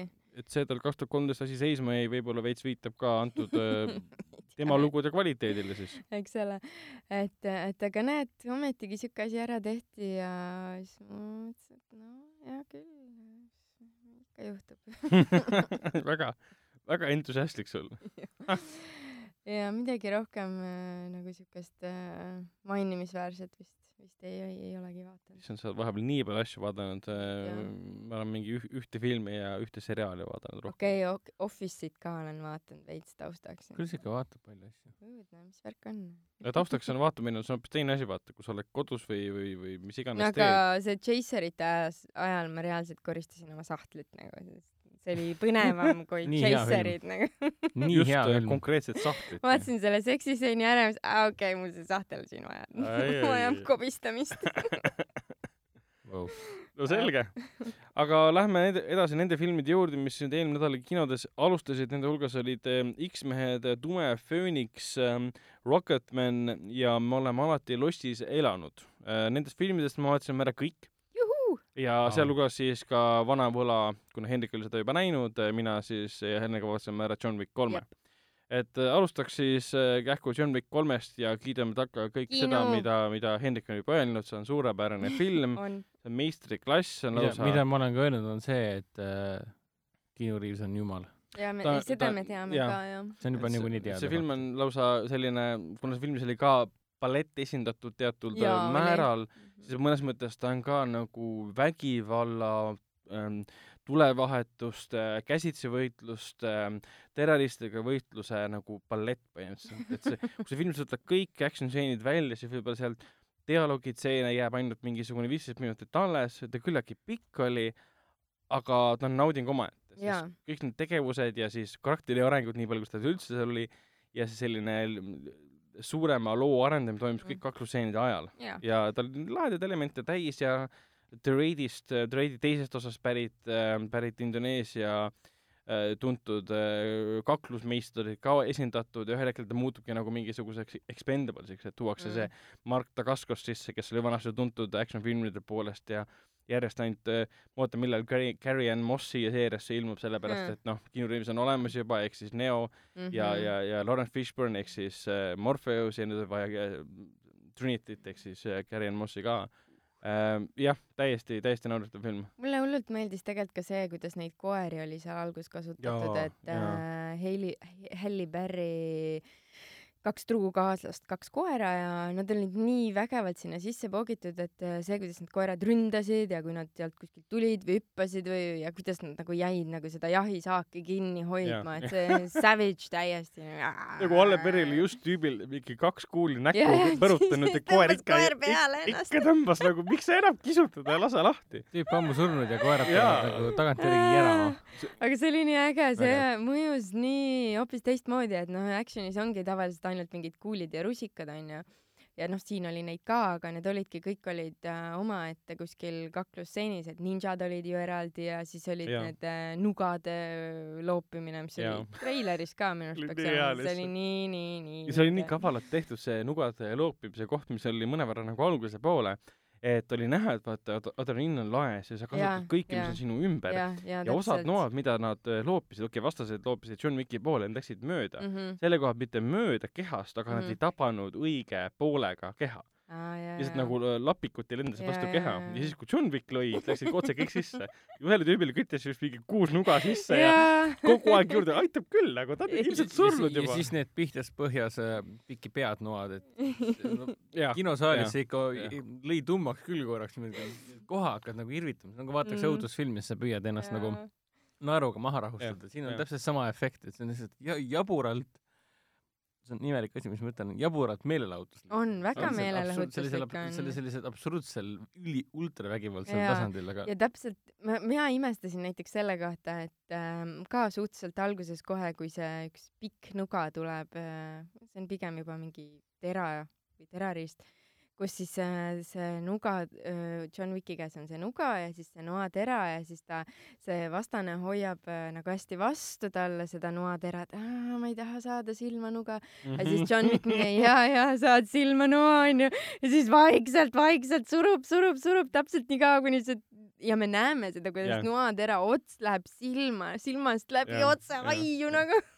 et on läinud oluliselt, oluliselt rõvedamaks ja verisemaks selle koha pealt, mida meile näidatakse. enne nendel asjadel nagu viidati või kuidagi peideti ja, lõigetega ja, ja, või jäeti lihtsalt nagu kaamera vaateväljast välja, siin mm. me näeme ilusasti ja. nagu sellise silmahävingut põhimõtteliselt. täpselt et noh, siukseid kohti nagu väga palju ei olnud, aga see oli, see oli vinge, noh. ja, ja kõik see raamatu, see põhimõtteliselt ongi, sa võid kokku loetleda top viis parimat mm -hmm. killi põhimõtteliselt ja, ja raamatu oma sobib sinna ideaalselt mm.. mis see oli, Afanasjevi, mis raamat see nüüd oligi äh,? see oli äh, Vene muinasjutud Ale. Aleksander või midagi, Afanasjev äh,, mingid Vene muinasjutud raamat ja siis hakkas sellega tüüpi põhimõtteliselt peksma, mis oli väga raske võitlus, sest tüüp oli temast mingi peaaegu pikem ja, põhimõtteliselt ja võimsam. ja see oli see klassikaline see ka nagu komöödiatest on pärit või animatsioonidest, kus mm. suurem tüüp paneb oma käe väiksemale peale, väiksem üritab lüüa, aga ta ei õnnestu, see oli ka siia sisse tehtud, aga siin pöörati seda vastupidi. ja John Wick nagu üheski stseenis ei olnud seda olukorda, kus ta oleks lihtsalt rahulikult kõndinud, ta alati no, jooksis pekstud ja verine ja, ja hoiab kinni kuskilt ja komistab, aga ikka ei sure kurat.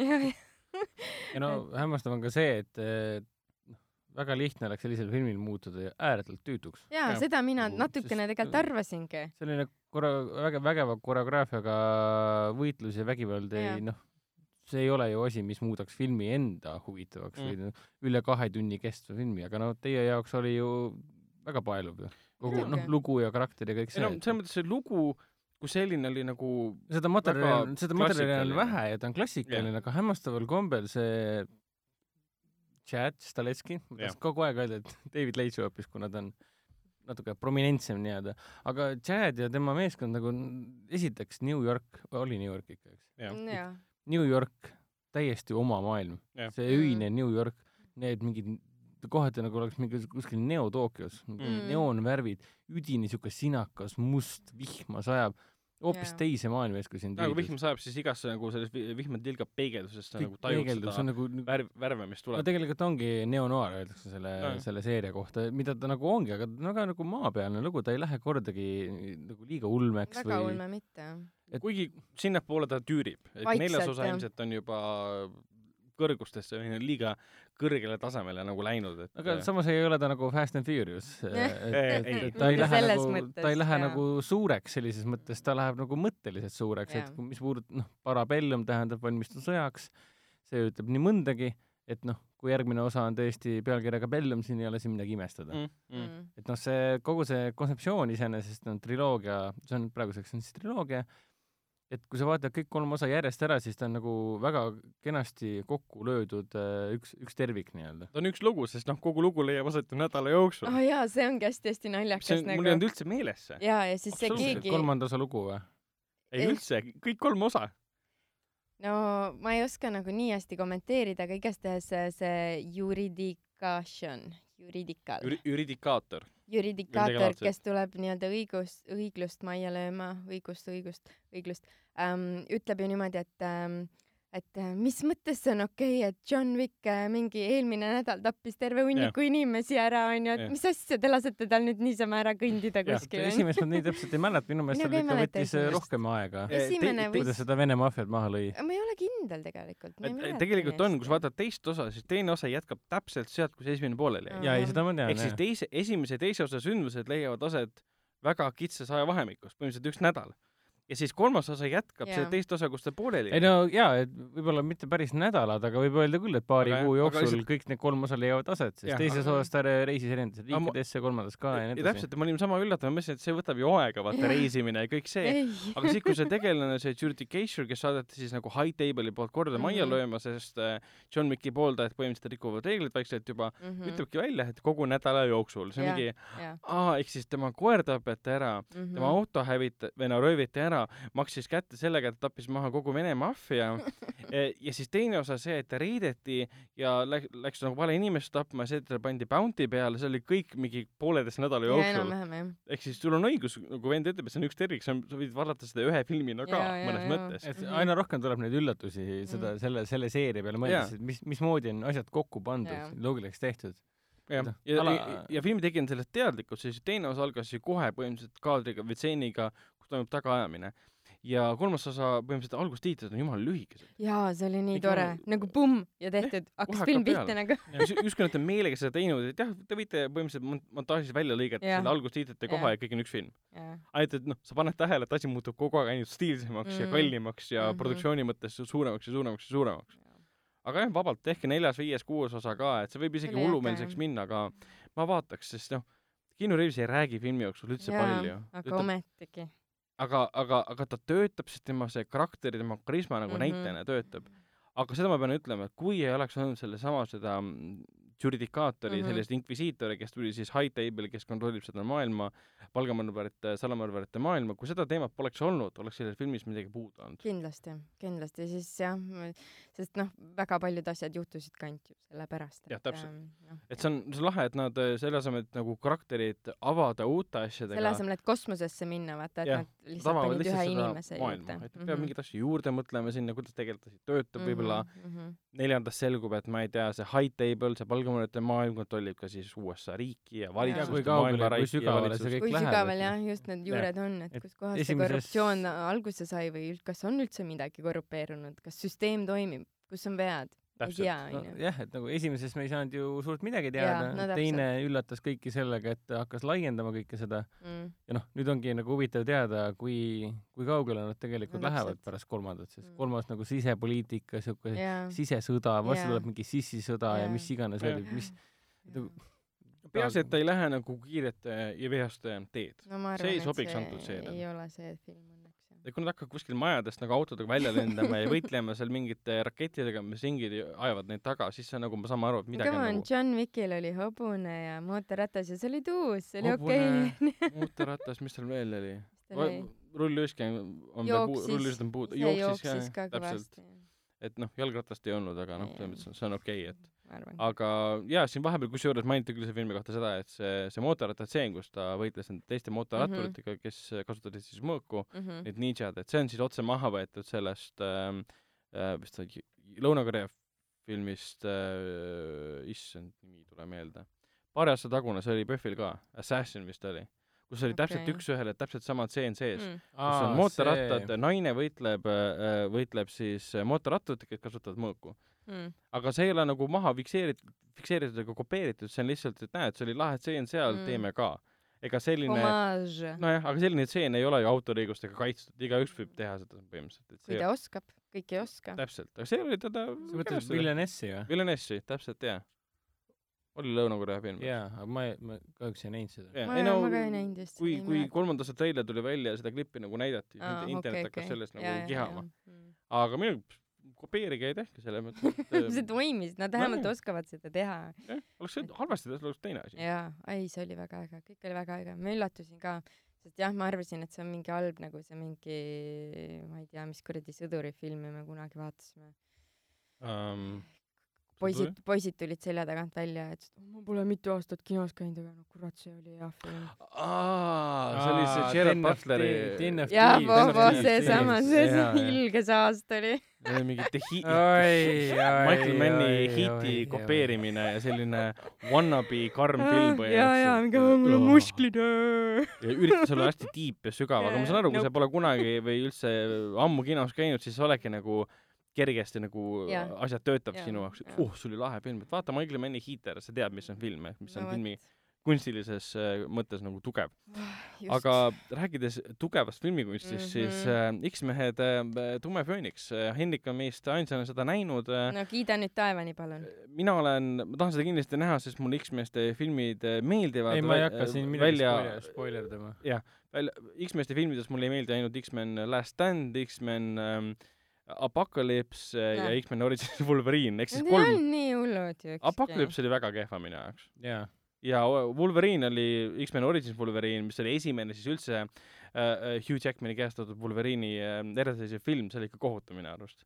ma nii hästi ei mäleta. Wolverine'i, Wolverine'il on ainuke hea asi on see, mis äh, algustiitrid nii-öelda, kus me näeme, kuidas siis äh, Sabretooth ehk siis Liv Schreiber ja äh, Äh, Wolverine ehk siis Hugh Jackman, äh, mõlemad tuleb välja antud filmis, et mõlemad on täpselt samasuguse geneetikaga vennad. ehk siis väga-väga-väga vanad, aga näevad noored välja. kuidas nad algustiidites jooksevad läbi erinevate ajastute. mis oli, kodusõda, Vietnami sõda ja siuksed asjad. see oli see kõige parem asi üldse see filmis aga..., muidu oli see totaalne pläust. Lähme tagasi, lähme tagasi siis X-meeste saaga viimase filmi juurde, mis lõpetab ära Foxi loodud X-meeste frantsiisi, sest Fox kuulub nüüd Disneyle ja Disney hakkab ise tegema nende tegelaskujudega omi asju, need näitlejad ei naase äh,. kuidas on no me siis... ei tea täpselt, mis täpselt saab, aga noh. ametlikku kinnitust ei ole küll. see on kõik tõenäoline, et väga suur tõenäosus aga..., et see lõpebki kõik ära nüüd selles uh,. ütleme nii, et uh, Brian Singeri viimaseks X-filmi X-filmiks X-meeste filmiks jäi siis Apocalypse, paari aasta tagune film.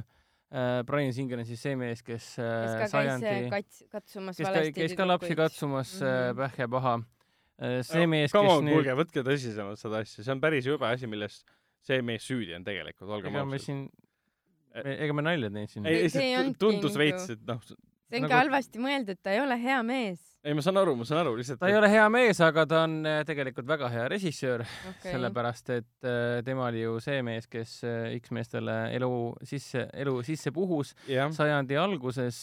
X-mehed oli ka minu äh, Äh, esimene nii-öelda superkangelaste armastus pärast Tim Burtoni esimest kahte Batman'i. Mm.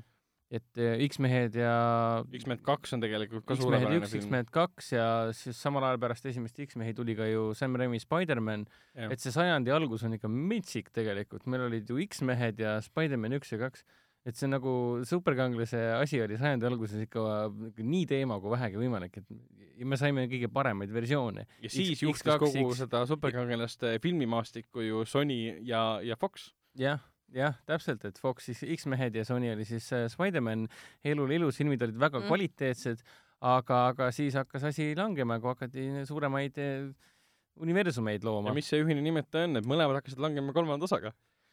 jah Spider-man kolm oli kurikuul-, kurikuulsal viisil väga halb, samamoodi oli ka eh, X-mehed Last Stand, mis jäi siis eh, esialgse triloogia viimaseks filmiks. ta ei ole nüüd nii halb kui mingisugune Spider-man kolm. ei, ta on filmi kunstilises mõttes ta aga, aga nagu sinagi, Ragnar, oled öelnud, siis Last Stand on tegelikult täitsa tore ja vaadatav film, ei ole tal häda midagi ja põhiprobleem seisneb selles, et mis valikud ja otsused on seal filmi sees sisuliselt tehtud ehk siis äh, nii mõnigi asi on täiesti ebavajalik, ebaloogiline ja täiesti mõttetu äh, rikkus, rikkus põhimõtteliselt umbes nagu Troonide mängu viimase hooaja viimased episoodid. võib täitsa, täitsa viimase hooajaga, Troonide mängu viimase hooajaga võrrelda. Öeldakse, et maaslamanat ei lööda, aga tegin seda ikkagi. jah, aga no Last Stand omal ajal jäi mulle ikkagi külge ja kõik oli hästi tore ja puha.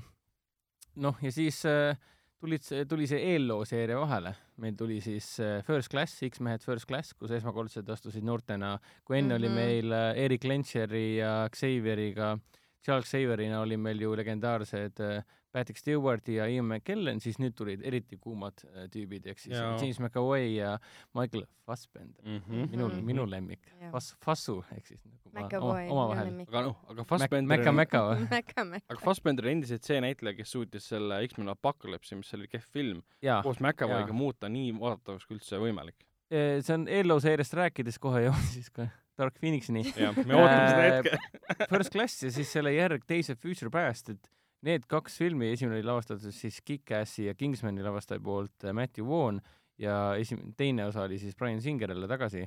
Need olid nagu täiesti, järjest läksid aina paremaks, täiesti crazy, et te teete eelloo seeria, te loote eraldiseisva äh, ajaliini mm., ehk siis teisisõnu äh, sajandi alguses loodud X-meeste filmid äh, ei ole samas ajaliinis nii-öelda yeah.. Mm -hmm. ehk siis nad tegid omaenda filmiseeriale reboot'i. sest nad kustutasid ära X-mehed Last Standi kohutavad valikud jah, ehk siis teisisõnu, me nüüd otsustasime, et me teeme reboot'i kogu seeriale, paneme nad minevikku, teeme noortega mm, -hmm. noorte, noortemate versioonidega ja siis samal ajal me lähme sinna kõrvale, et see maailm, mis me enne tegime, see eksisteerib seal kuskil kõrval mm, -hmm. et mhm. sellest me ei pea rohkem mm -hmm. rääkima.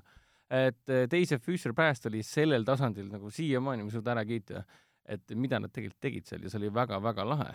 Aga probleem oli ka see, et nad äh, tegid väga lõplikult seda, ehk siis teise Fuse'i päästi lõpp justkui andis mõista, et nüüd on, nüüd on seeria läbi, et mingis mm -hmm. mõttes võib öelda, et teise X-meeste seeria tegelikult lõppeski teise Fuster Päästi ja selle, selle Loganiga ära. tegelikult äh, mina mõtlesin ka seda ja. nagu, et jah, et mul oli, et aitab. isegi, isegi see, ma oleksin tahtnud äh, nagu, isegi see Logan äh, on nii eraldiseisev film ikka juba sisuliselt ka. ta nagu ta ei, ta ei sobitu pärast teise Future Pasti ajaliini suhtes mm. Kõik maailm päästeti teise Future Pastis ära mm. -hmm. kõik pandi õigesse õig,. kuigi noh, Logani lugu jäi nagu lahtiseks. no jaa, aga noh, sellest sõltumata see, mis Loganis äh, me teame, on, on toimunud X-meestega, et see kõik on ikka väga hullumeelselt morbiidne mm.. ehk siis noh, minu silmis on Logan ikkagi täiesti eraldiseisev asi, et see ei kuulu sellesse, kui ma räägin X-meeste seeriast, siis ma ikkagi mõtlen äh, esimesi kolme ja siis nüüd äh, nelja, mis on nende prequelitena, eellugudena tehtud yeah.. Aga siis tuli Apocalypse äh,, Brian Singer lavastas ja ebavajalik nonsense. ja uskumatu, kuidas on võimalik langeda troonilt, mille sa oled ise endale ehitanud ja sa oled mingi hmm. üks parimatest nii-öelda. ja sa lood kehva antagonisti ja annad ja, peategelastele mõttetud põhjuse probleem oligi see, et sa, sa cast'id äh, Oscar Isaaci põhipaha rolli ja ta ei tee filmis mitte midagi, lihtsalt mingi priitsib mingi lolli jutu suust välja ja, ja, ja kõik on julmalt igav välja arvatud Michael Fassbender ja McAvoy, kes asja päästavad. ei, näitlejad, casting on üli, ülihea, eriefektid, kõik on head aga Apocalypse'i põhiprobleem oli see, et nad kordasid jälle Days of Future Past'i mm. -hmm. et kui korra meil see kiire poiss äh, oli ja siis mm -hmm. paneme ta täpselt samasse stseeni uuesti. ja nii? see Quicksilver. ja täpselt, jah. ja sama asja teevad siis seal äh, Dark Phoenixis ka, aga vähemal, vähemal määral, et mitte talle liiga palju äh, aega ja ruumi anda nii-öelda noh, ja siis no Apocalypse andis mõista, et okei okay,, midagi on väga valesti, siis tuleb mm -hmm. lõpuks Dark Phoenix välja ja ma olen kriitikutega täiesti nõus. Dark Phoenix on äh, ekstreemselt äh, äh, lihtne, noh, vaimuvaene ja, ja sa, kui sa oled nagu X-meeste fänn, siis äh, ma ei saa, ma ei, seda tasub vaadata puhtalt selle, selliselt, selliselt, et sa oled valmis hüvasti jätma selle seeriaga sellisel kujul, nagu sa oled teda tundnud nagu põhimõtteliselt eluaeg. praegu on aasta kaks tuhat üheksateist, üheksateist aastat põhimõtteliselt on see kestnud, kui sa sündisid aastal kaks tuhat, siis võib, võib öelda, et see on, sinu noore elu on see kestnud kõik nii-öelda yeah. minu, mina olin siis ju mingi kümne, kümneaastane, kui ma neid või üksteist, kaksteist, kui ma neid esimesi X-mehi vaatasin, et noh, mhm. põhimõtteliselt minu noor elu sai nüüd X-meestega läbi ja nüüd tuleb leppida asjaoluga, et viimane film oli ikkagi päris äh, paha. et nad kordavad jälle seda, mida nad on varem teinud Fassbender on jälle hästi-hästi tugev ja puha, aga mm -hmm. kogu tema karakteri kasutus oli, see on see imelik asi, et Fassbender on ülihea näitleja, ta on Erik Lentserina väga äge, Magneto on väga äge, niisugune näitleja, kes suudab ka kõige absurdsema tegelase muuta ülimalt tõsiseltvõetavaks. kõik tema see natsi minevik mm -hmm. ja juudi koonduslaagrid, issand jumal, mis seal äh, First Classi alguses kõik toimus, Kevin Bacon seal väikseid juudi lapsi piinas. Come on, see on nii tõsine teema kui vähegi võimalik, et nii hästi läbi mõeldud, see on crazy lihtsalt. ja siis tuleb Apocalypse ja Dark Phoenix ja tekib niisugune tunne, et, et need tegelikult ei huvita enam hmm ehk siis jällegi nii nagu troonide mängu viimane hooaeg, et sul on mingi, sa oled karaktereid üles ehitanud. mul on hea meel, et sa troonide mängu kogu aeg välja tood. sa ehitad karakterid kogu aeg üles, üles, üles siis on jah? ja siis on viimane film, et aa, üldse ei pannud üldse oluline, me lihtsalt kaotame su ära, anname sulle pinirollid ja sinu eelnevad valikud sinu elus. Dark Phoenixil tekkis sama tunne, et tegelikult on umbes selline, et aa, tegelikult meil pohhu ju et me tegime filmi valmis. ja nüüd pärast, pärast filmi, pärast seda Kätsu ja Põmmu, mis ta box office'is tegi, noh, nüüd tuli ka välja see nii-öelda draama, mis tegelikult filmi tegemisel mm. ajal aset leidis. mina ei tea sellest vist midagi. üks uudis oli, et sada miljonit põhimõtteliselt kaotab põhimõtteliselt no ja et lõppu tehti, mõeldi mitu korda ümber ja kui nad filmi ette valmistasid, siis nad äh, said täiesti valesti aru, mida, miks inimestele üldse Apocalypse ei meeldinud ja puha, mõtlesid, et see oli liiga kärts-põmm äh, action'irikas ja nüüd teeme siukse heavy draama, Sophie Turner, troonide mängud, aa, sellepärast sa räägid troonide mängust, sest Sophie Turner. Sansa. Sansa. pluss äh, Fox nagu, Fox nagu ei suutnud üldse kontrollida neid teateid äh, reshoot imisest, uuesti võtetest. sest see, kõik need uudised olid nagu ülepaisutatud selle koha pealt, et see oli eelarvesse sisse määratud mm, -hmm, et me teeme mm -hmm. reshoot'e, see oli kõik normaalne, see oli graafiku järgne, kõik see aga, aga... meedia kajastasid umbes niimoodi oh,, mm, probleemid paradiisis, mis toimub X-meestega ja Fox ei suutnud ajakirjanikele üldse meediale nagu selgeks teha mm, -hmm. et see on, see käiski nii, me tegime test audience'ile ühe lõpu, neile meeldis see lõpp mm, -hmm. me tegime selle lõpu ümber.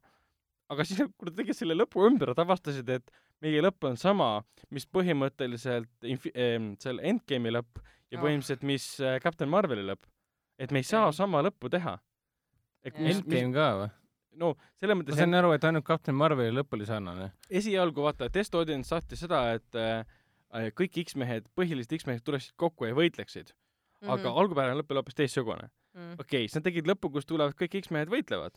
siis nad vaatasid, et aa, Endgame'is on ka, et kõik võitlevad. okei okay,, siis tegime ümber.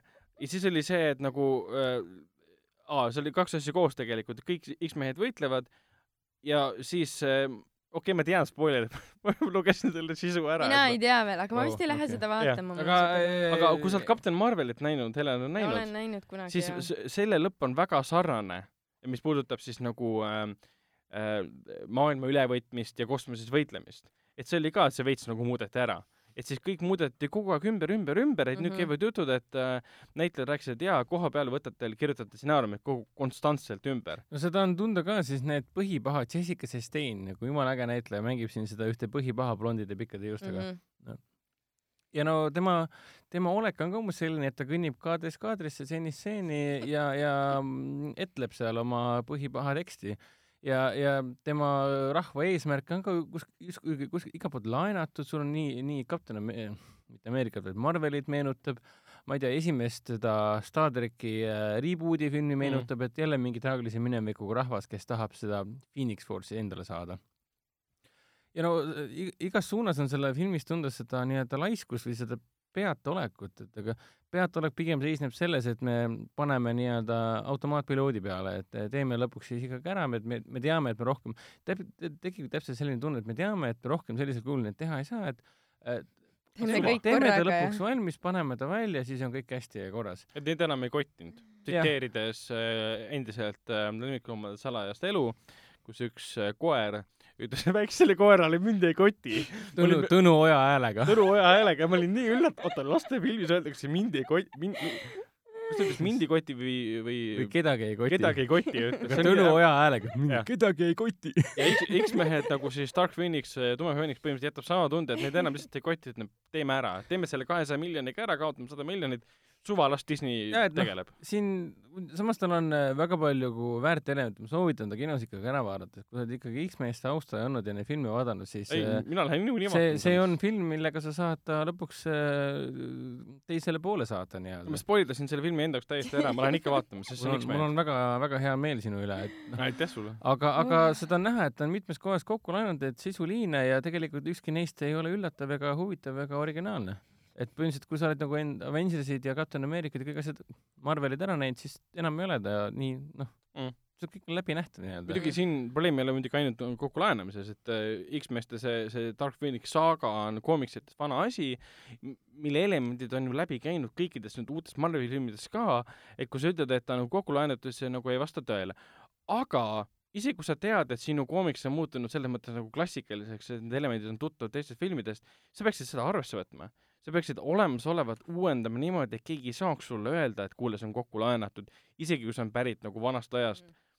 uuendage, kirjutage ümber, mida ei viitsinud teha lihtsalt. jaa, see on see Hollywoodi vaimuvaegus, millest ma siin ikka no, aeg-ajalt räägin.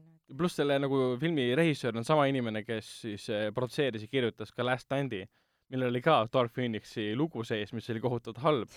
no ta ei õppinud sellest nagu. no ta on, ta on stsenarist ka, ta on selle seeria üks põhilisi stsenariste olnud. jah, ja mida, mida ei ole õppinud, ikka täpselt sama asi aga, aga samas mees vastutab, see ongi hämmastav, et sama mees ju vastutas ka First Classi ja, ja. teisi Fure Sebasti eest, et see no, ei ole nagu, vahel ikka on neid nagu helgeid hetki ju tuleb ikkagi mingi kord aastas või kaks korda ette. paned selle ühe asja kirja, oo, see oli nii hea, siis lihtsalt äh, lased selle vana rasva peal ringi muud midagi vot, aga see oli, see ma mõtlen, et äh, me ei hakka hea filmi peale kohe edasi minema, et siis äh, räägime oota, aga ma mainiks okay. nii palju ära, et äh, Dark Phoenix on küll meeletu pettumus, aga sellest sõltumata äh, X-mehed see seeria on minu silmis iga kell huvitavam ja tõsisem, tõsiseltvõetavam kui Marveli asjad tegelikult. minu, minu silmis. see on lihtsalt jäänud külge sajandi algusest saadik nii-öelda et kui ma tahan vaadata väga ägedaid, väga tõsiseltvõetavaid äh, superhero filme, siis X üks, X kaks äh,, First Class äh,, Future Past äh,, Logan on nagu kindel minek. ei, ma olen sinuga nõus. totaalne kullavaramu selles suhtes. et need filmid on kohati, kohati paremad, need seitse filmi siis, oota ei, oota. Äh, üks, kaks, kolm, neli, viis filmi on tegelikult paremad kui, kui mõne, väga paljud äh, ülikiidetud äh, Marveli filmid. No koos Logani ja, ja Wolverine'i filmidega ja, ja Deadpooliga on tegelikult mingi kaksteist vist isegi. ei, ma pidasin silmas neid filme, mis on head ei, aga mida, tegelikult mida, mida, mida? Kuus... Logani filmid on väga head ju. no kaks, kaks Logani filmi väga head. no jah. Wolverine ja Logan. jah, no Deadpool ka, et noh kahju, et nad pärast äh, teisi Future Pasti ei võtnud äh, Deadpooli kampa, et äh, Apocalypse'i yeah. asemel oleks võinud teha lihtsalt filmi, kus tuleb Deadpool X-meestega mingit uut see oleks naljakas arvatavasti olnud isegi. kõik oleks hoopis teistmoodi selles yeah. suhtes, et noh. ah, vot. aga mm, jah, jätkame filmiga, filmiga mm, me oleme alati lossis elanud, mida on näinud Helen ja seda on väga hea jätkata, sest Helenile see ka ei meeldinud sarnaselt vennale, Hennikule, kellele ei meeldinud äh, Dark Phoenix. räägi meile, mis film, mis kujutab endast meile, me oleme alati lossis elanud, we have always lived in the castle. ja me saame aru, et see põhineb raamatul jaa äh,, selles suhtes, et see mm, äh, nii-öelda originaalloo autor siis on äh, üks Ameerika kirjanik, kes kirjutas müstikat ja õudust ja tema on autor ka Haunting of the Hill House ja, oli, eks ole. millest tehti Netflixi suurepärane seriaal. jaa, aga kes iganes arvas, et tema nüüd suudab äh, sellest raamatust, mille pealkiri on We have always lived in a castle, teha ilusa filmi, siis äh, ta arvas väga-väga valesti endast wow.. et äh, kõige hullem filmide puhul on see, kui sa istud maha okei okay,, ma teadsin, et tuleb Sebastian Stan, kelle suur fänn ma olen ja teda on ekraanilt lihtsalt nii hea vaadata. Mhm. aga, jah, Sebastian uh, ähm, siis wow. lähme nüüd tagasi sinna teema juurde. ähm, ah, ühesõnaga, film algab ähm, nii-öelda rusudes, midagi on juhtunud, maja või mingi asi, koht, tuba on hävinud ja siis peategelane räägib samal ajal midagi, et no tihtipeale on see, et see, mis sa filmis alguses kuuled, see ei jää sulle nagunii meelde, sa unustad selle ära. aga kuna see film läks edasi niimoodi, et ähm, järgmine hetk ehk siis stseen edasi oli juba kõik ilus, roheline, lilleline, noh, tegelikult noh, ilus nende elu ei olnud, sest äh, nende peret oli tabanud tragöödia äh,, nende kahe neiu vanemad olid tapetud ja põhimõtteliselt noh, see oligi nagu nii-öelda mõrvamüsteeriumina üritatud esitleda. aga kõige hullem selle filmi puhul oligi see, et äh, hetk, kui ma sain aru, et no nii, et meil on nii-öelda ringjutustus, ehk siis on äh, esimesena näeme me lõppu, siis filmi keskel on äh, sündmused, mis viisid lõpuni mm -hmm. ja siis ühel hetkel me oleme tagasi nii-öelda filmi alguses ehk loo lõpus ja siis lähme nii-öelda loo kui terviku lõppu ja kahjuks see oli täpselt nii kehv, kui ma arvasin, ainult et seal puudusid igasugused äh, üllatused. et ähm, äh, oli siis siukene äh, noorem peretütar, kes oli selline, mm, see on vist sünopsises ka, et ta on maagia ja siukene äh, tumedate ähm, jõudude harrastaja. Okay.. Ja siis äh, on teine peretütar, kes on siis a la nagu American Housewife nagu siukene ilus naiselik. Aleksandria äh,, Aleksandr. Aleksandr Daddario. väga ilus, ta oli mängis ka väga-väga ilus. kus ta, mängis, kus ta mängis? Baywatchis ja True Detective'is. jah, täpselt mm. et aga see oli tal tõesti roll, et äh, selles suhtes oli tore, et ta oskas mängida ja noh, ühesõnaga pluss siis nendega elab seal koos nende onu kes siis äh, samal ajal, kui nende vanemad tapeti, siis äh, tema nagu mürgitati, aga ta jäi ellu ähm,. ja siis äh, noh, seal mingi elavad seal niimoodi kolmekesi omaette. kas seal tekib mingisugune, kuidas nüüd öelda, intsestuaalne suhe ka? jah, kuna, kuna ma Helen kohe jõuab selleni. ma mõtisklesin ah. kõva häälega ühel hetkel sellest filmist juba varem, siis jaa, ühesõnaga Sebastian Stan siis kehastab nende mm, onu, onupoega või mingit mm -hmm. sugulast ja siis äh, raamatus pidi, raamatus oli ta niimoodi, et äh, ta oli siukene rahaihar, tüdrukutel oli palju raha kodus ja seif, kus need kogu nende raha oli. ühesõnaga see sugulane tuli, see meessugulane tuli nii-öelda neid röövima ja aga filmis ei, ei olnud see üldse nagu niimoodi esitletud või see ei, see ei tulnud filmis välja, filmis tuli välja see, et oli ilus äh, Sebastian Stani kehastatud karakter, kelle nime ma ei mäleta, kes siis äh, hakkas nii-öelda looma suhteid äh, vanema peretütrega, issand jumal, mis ta nimi oli äh,? Taisse Farmiga. mängib teda muidugi. tema äh,. ahah, Mary Cat oli see noorem ja vanem oli, oota ma kohe vaatan. siis, kui mälu peab alt, siis aitab, aitab. iPhone ah, iPhone aitab Google'ini jõuda, mis aitab ah. tuvastada nende tegelaste ja, nimed. tegelase nimi oli siis Constance, oli siis vanem peretütar. ja ühesõnaga, siis äh, film nagu üritas portreteerida seda, et äh, sugulasel siis tekib äh, äh, Constance'iga siukene intiimsem suhe ja neil nagu kuna noh, tüdrukud elavad üksinda lossis, nad ei käi väljas lossist et siis nagu oli üritatud nagu seda draamaks või siukseks millekski eriliseks mängida, et oh, vaata nüüd, et nüüd, nüüd see tüdruk teeb kõike, mida see mees tahab, onju. ja noh, jah, ühel hetkel siis äh, lähevad asjad käest ära ja siis jõuabki kätte see hävituslik hetk. ja siis mul oli nii, et issand jumal, mida te nagu tegite terve selle filmi ajal lihtsalt, et seal on mingi eelmine teisipäev, midagi toimub, eelmine kolmapäev, midagi toimub, eelmine neljapäev, noh, natuke midagi toimib. eelmine nädalavahetus mitte midagi ei toimu. ja siis ühel hetkel on see mingi eile ja siis on mingi aa ja siis lihtsalt nagu nii, nii halvasti oli see kuidagi tehtud, seal ei olnud nagu suuri karakteri arenguid selles osas, ei olnud ähm, nii-öelda mõrva uurimist, et kuna film algas äh,, kui see kaose osa oli ära näidatud, siis see, et ähm,, et kuskil on noh, need, keegi tappis nende vanemad, aga keegi ei tea, kes et äh, alguses süüdistati seda peretütre, tütart Konstantsi Sorry Jeesus, Henrik. Konstants arvati, et on süüdi, aga teda ei mõistetud süüdi. ja noh, kui sa nagu vaatad filmi ja vaatad, kuidas nagu karakterid on visuaalselt loodud, siis sa saad ühel hetkel aru nagu, kes see süüdi seal oli ja see, see ei tule ka üldse enam üllatusena. ja siis ongi see, et mitte miski ei tule üllatusena ja siis nagu samas äh, üritatakse öelda ka seda, et ah, et see on mingi ajastu, aga kust ma tean, mis Ameerika ajastu see nagu on, joo, onju, jaa, ma näen, et see on ilus seelik, äh, see ratastool on vana, onju, aga joo, nagu andke mulle rohkem midagi. ja siis oli kuskil üks siukene hästi väikene seen keldris, kuskil need hoidised ja purgid ja purkide peal oli siis tuhat üheksasada kuuskümmend. siis ma olin, et mhm. ahaa, ma tänan teid, onju, selle info eest ja ega noh, väga-väga seal nagu midagi ei olnud, et kõige ägedam tegelikult oligi Sebastian Stan. et alguses mul oli ka siuke tunne, et ah oh, mis asja, et ta on samasugune igav tegelane nagu need teised tüdrukudki onju. issand jumal, see, kuidas see on võimalik, ta on ju nii hea näitleja. aga siis oligi see, et no mida lugu edasi läks, et mida intiimsemaks läks nende mm, suhe selle oma sugulaste, sugulaste vahel siis. Mm. Siis seda nagu evilimaks läks äh, see Sebastian, Sebastian Stani tegelane. et ta kuidagi valgustati või filmiti kuskilt mingi teatud nurkade alt, et, et ta nagu karakter muutus kuidagi läbi tema ilmete, et et see oli nagu ainuke asi, mis sinna natukene vürtsi andis, ma olin, et aa okei okay,, päris hea. Ähm,.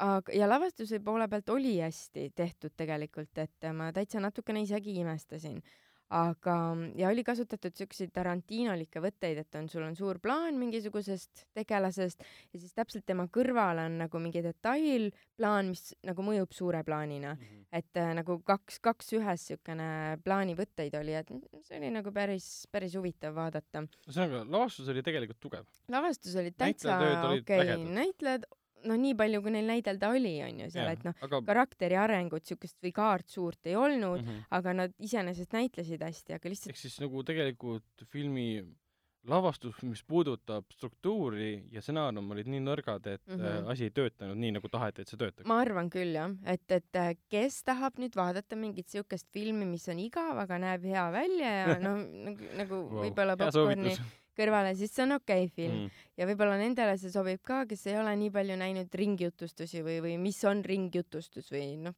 keda nagu ja sest selles suhtes on ta natukene teistsugune võib-olla kui tavapärane film, et mis algab, mis läheb kuskile, siis on lõpp, onju, aga siin nagu lõpu, alguses on lõpp, siis on keskpaik, siis on lõpp ja siis on veel filmi lõpp nagu.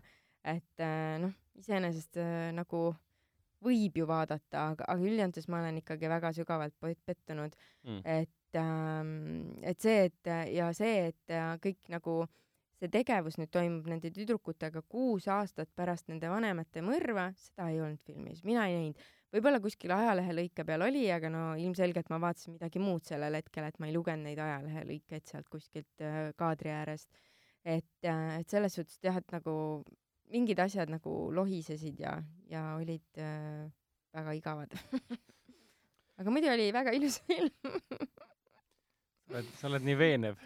kohe tahaks nüüd kinno uuesti minna. seda ma ise mõtlesingi et ähm, jah, see oli pettumus, et, et kuskil ma nägin Eesti, Eesti väljaannetes oli see mm, defineeritud kui õudusfilm nagu what? ei, ta on, see on trillerlik triller ja ta on draama, draama, draama, et Müstika, see, et ma ei tea, miks teda õuduseks on nimetatud, see on ega see autor, raamatu autor Shirley Jackson selliseid lugusid ongi kirjutanud, et siuksed, ta on tuntud pigem äh, ta on õudus ja õudus, müsteerium. müsteerium, noh, kõige paremini defineeritav asi, mis, mille poolest ta filmid, vene raamatud on tuntud ja mm. nende põhjal loodud, loodud filmid. okei aga siis lähme vahelduseks ühe, või noh, viimaseks lõpuks siis ühe hea filmi juurde ka, milleks on muidugi Elton Johni elul põhinev Rocketman, mis äh, on äge. ta on väga, väga äge film. Tiny Dancer.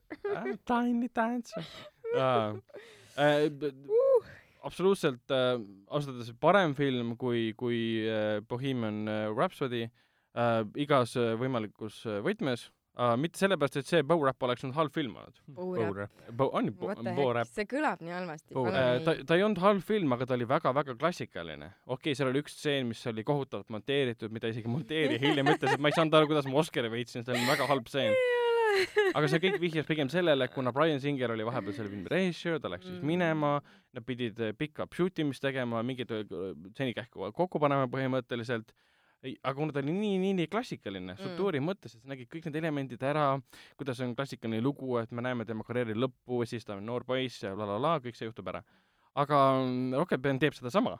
aga kõvasti loomingulisemalt. väga loominguliselt ja teeb mm. seda muusikali vormis, et need laulud, enamus laulud ei ole niimoodi, et keegi istub või nad istub klaveri taga ja on küll Hakkab tegelikult mõtlema. ühte lugu me näeme, kuidas luuakse niimoodi, istub mm. klaveri taga ja hakkab seda laulma aga see laul tavaliselt areneb muusikali võtmes tema enda elu ja mõtteid, karakterid arendavaks, iseloomustavaks mm. osaks filmiks. Ja, ja mitte nagu liiga muusikal. alguses on tõesti see klassikaline ja. muusikaline, muusikalistseen. ma ehmatasin korra ära, ma ei osanud seda oodata. ja siis ma olin, et oot-oot-oot, mis toimub, onju.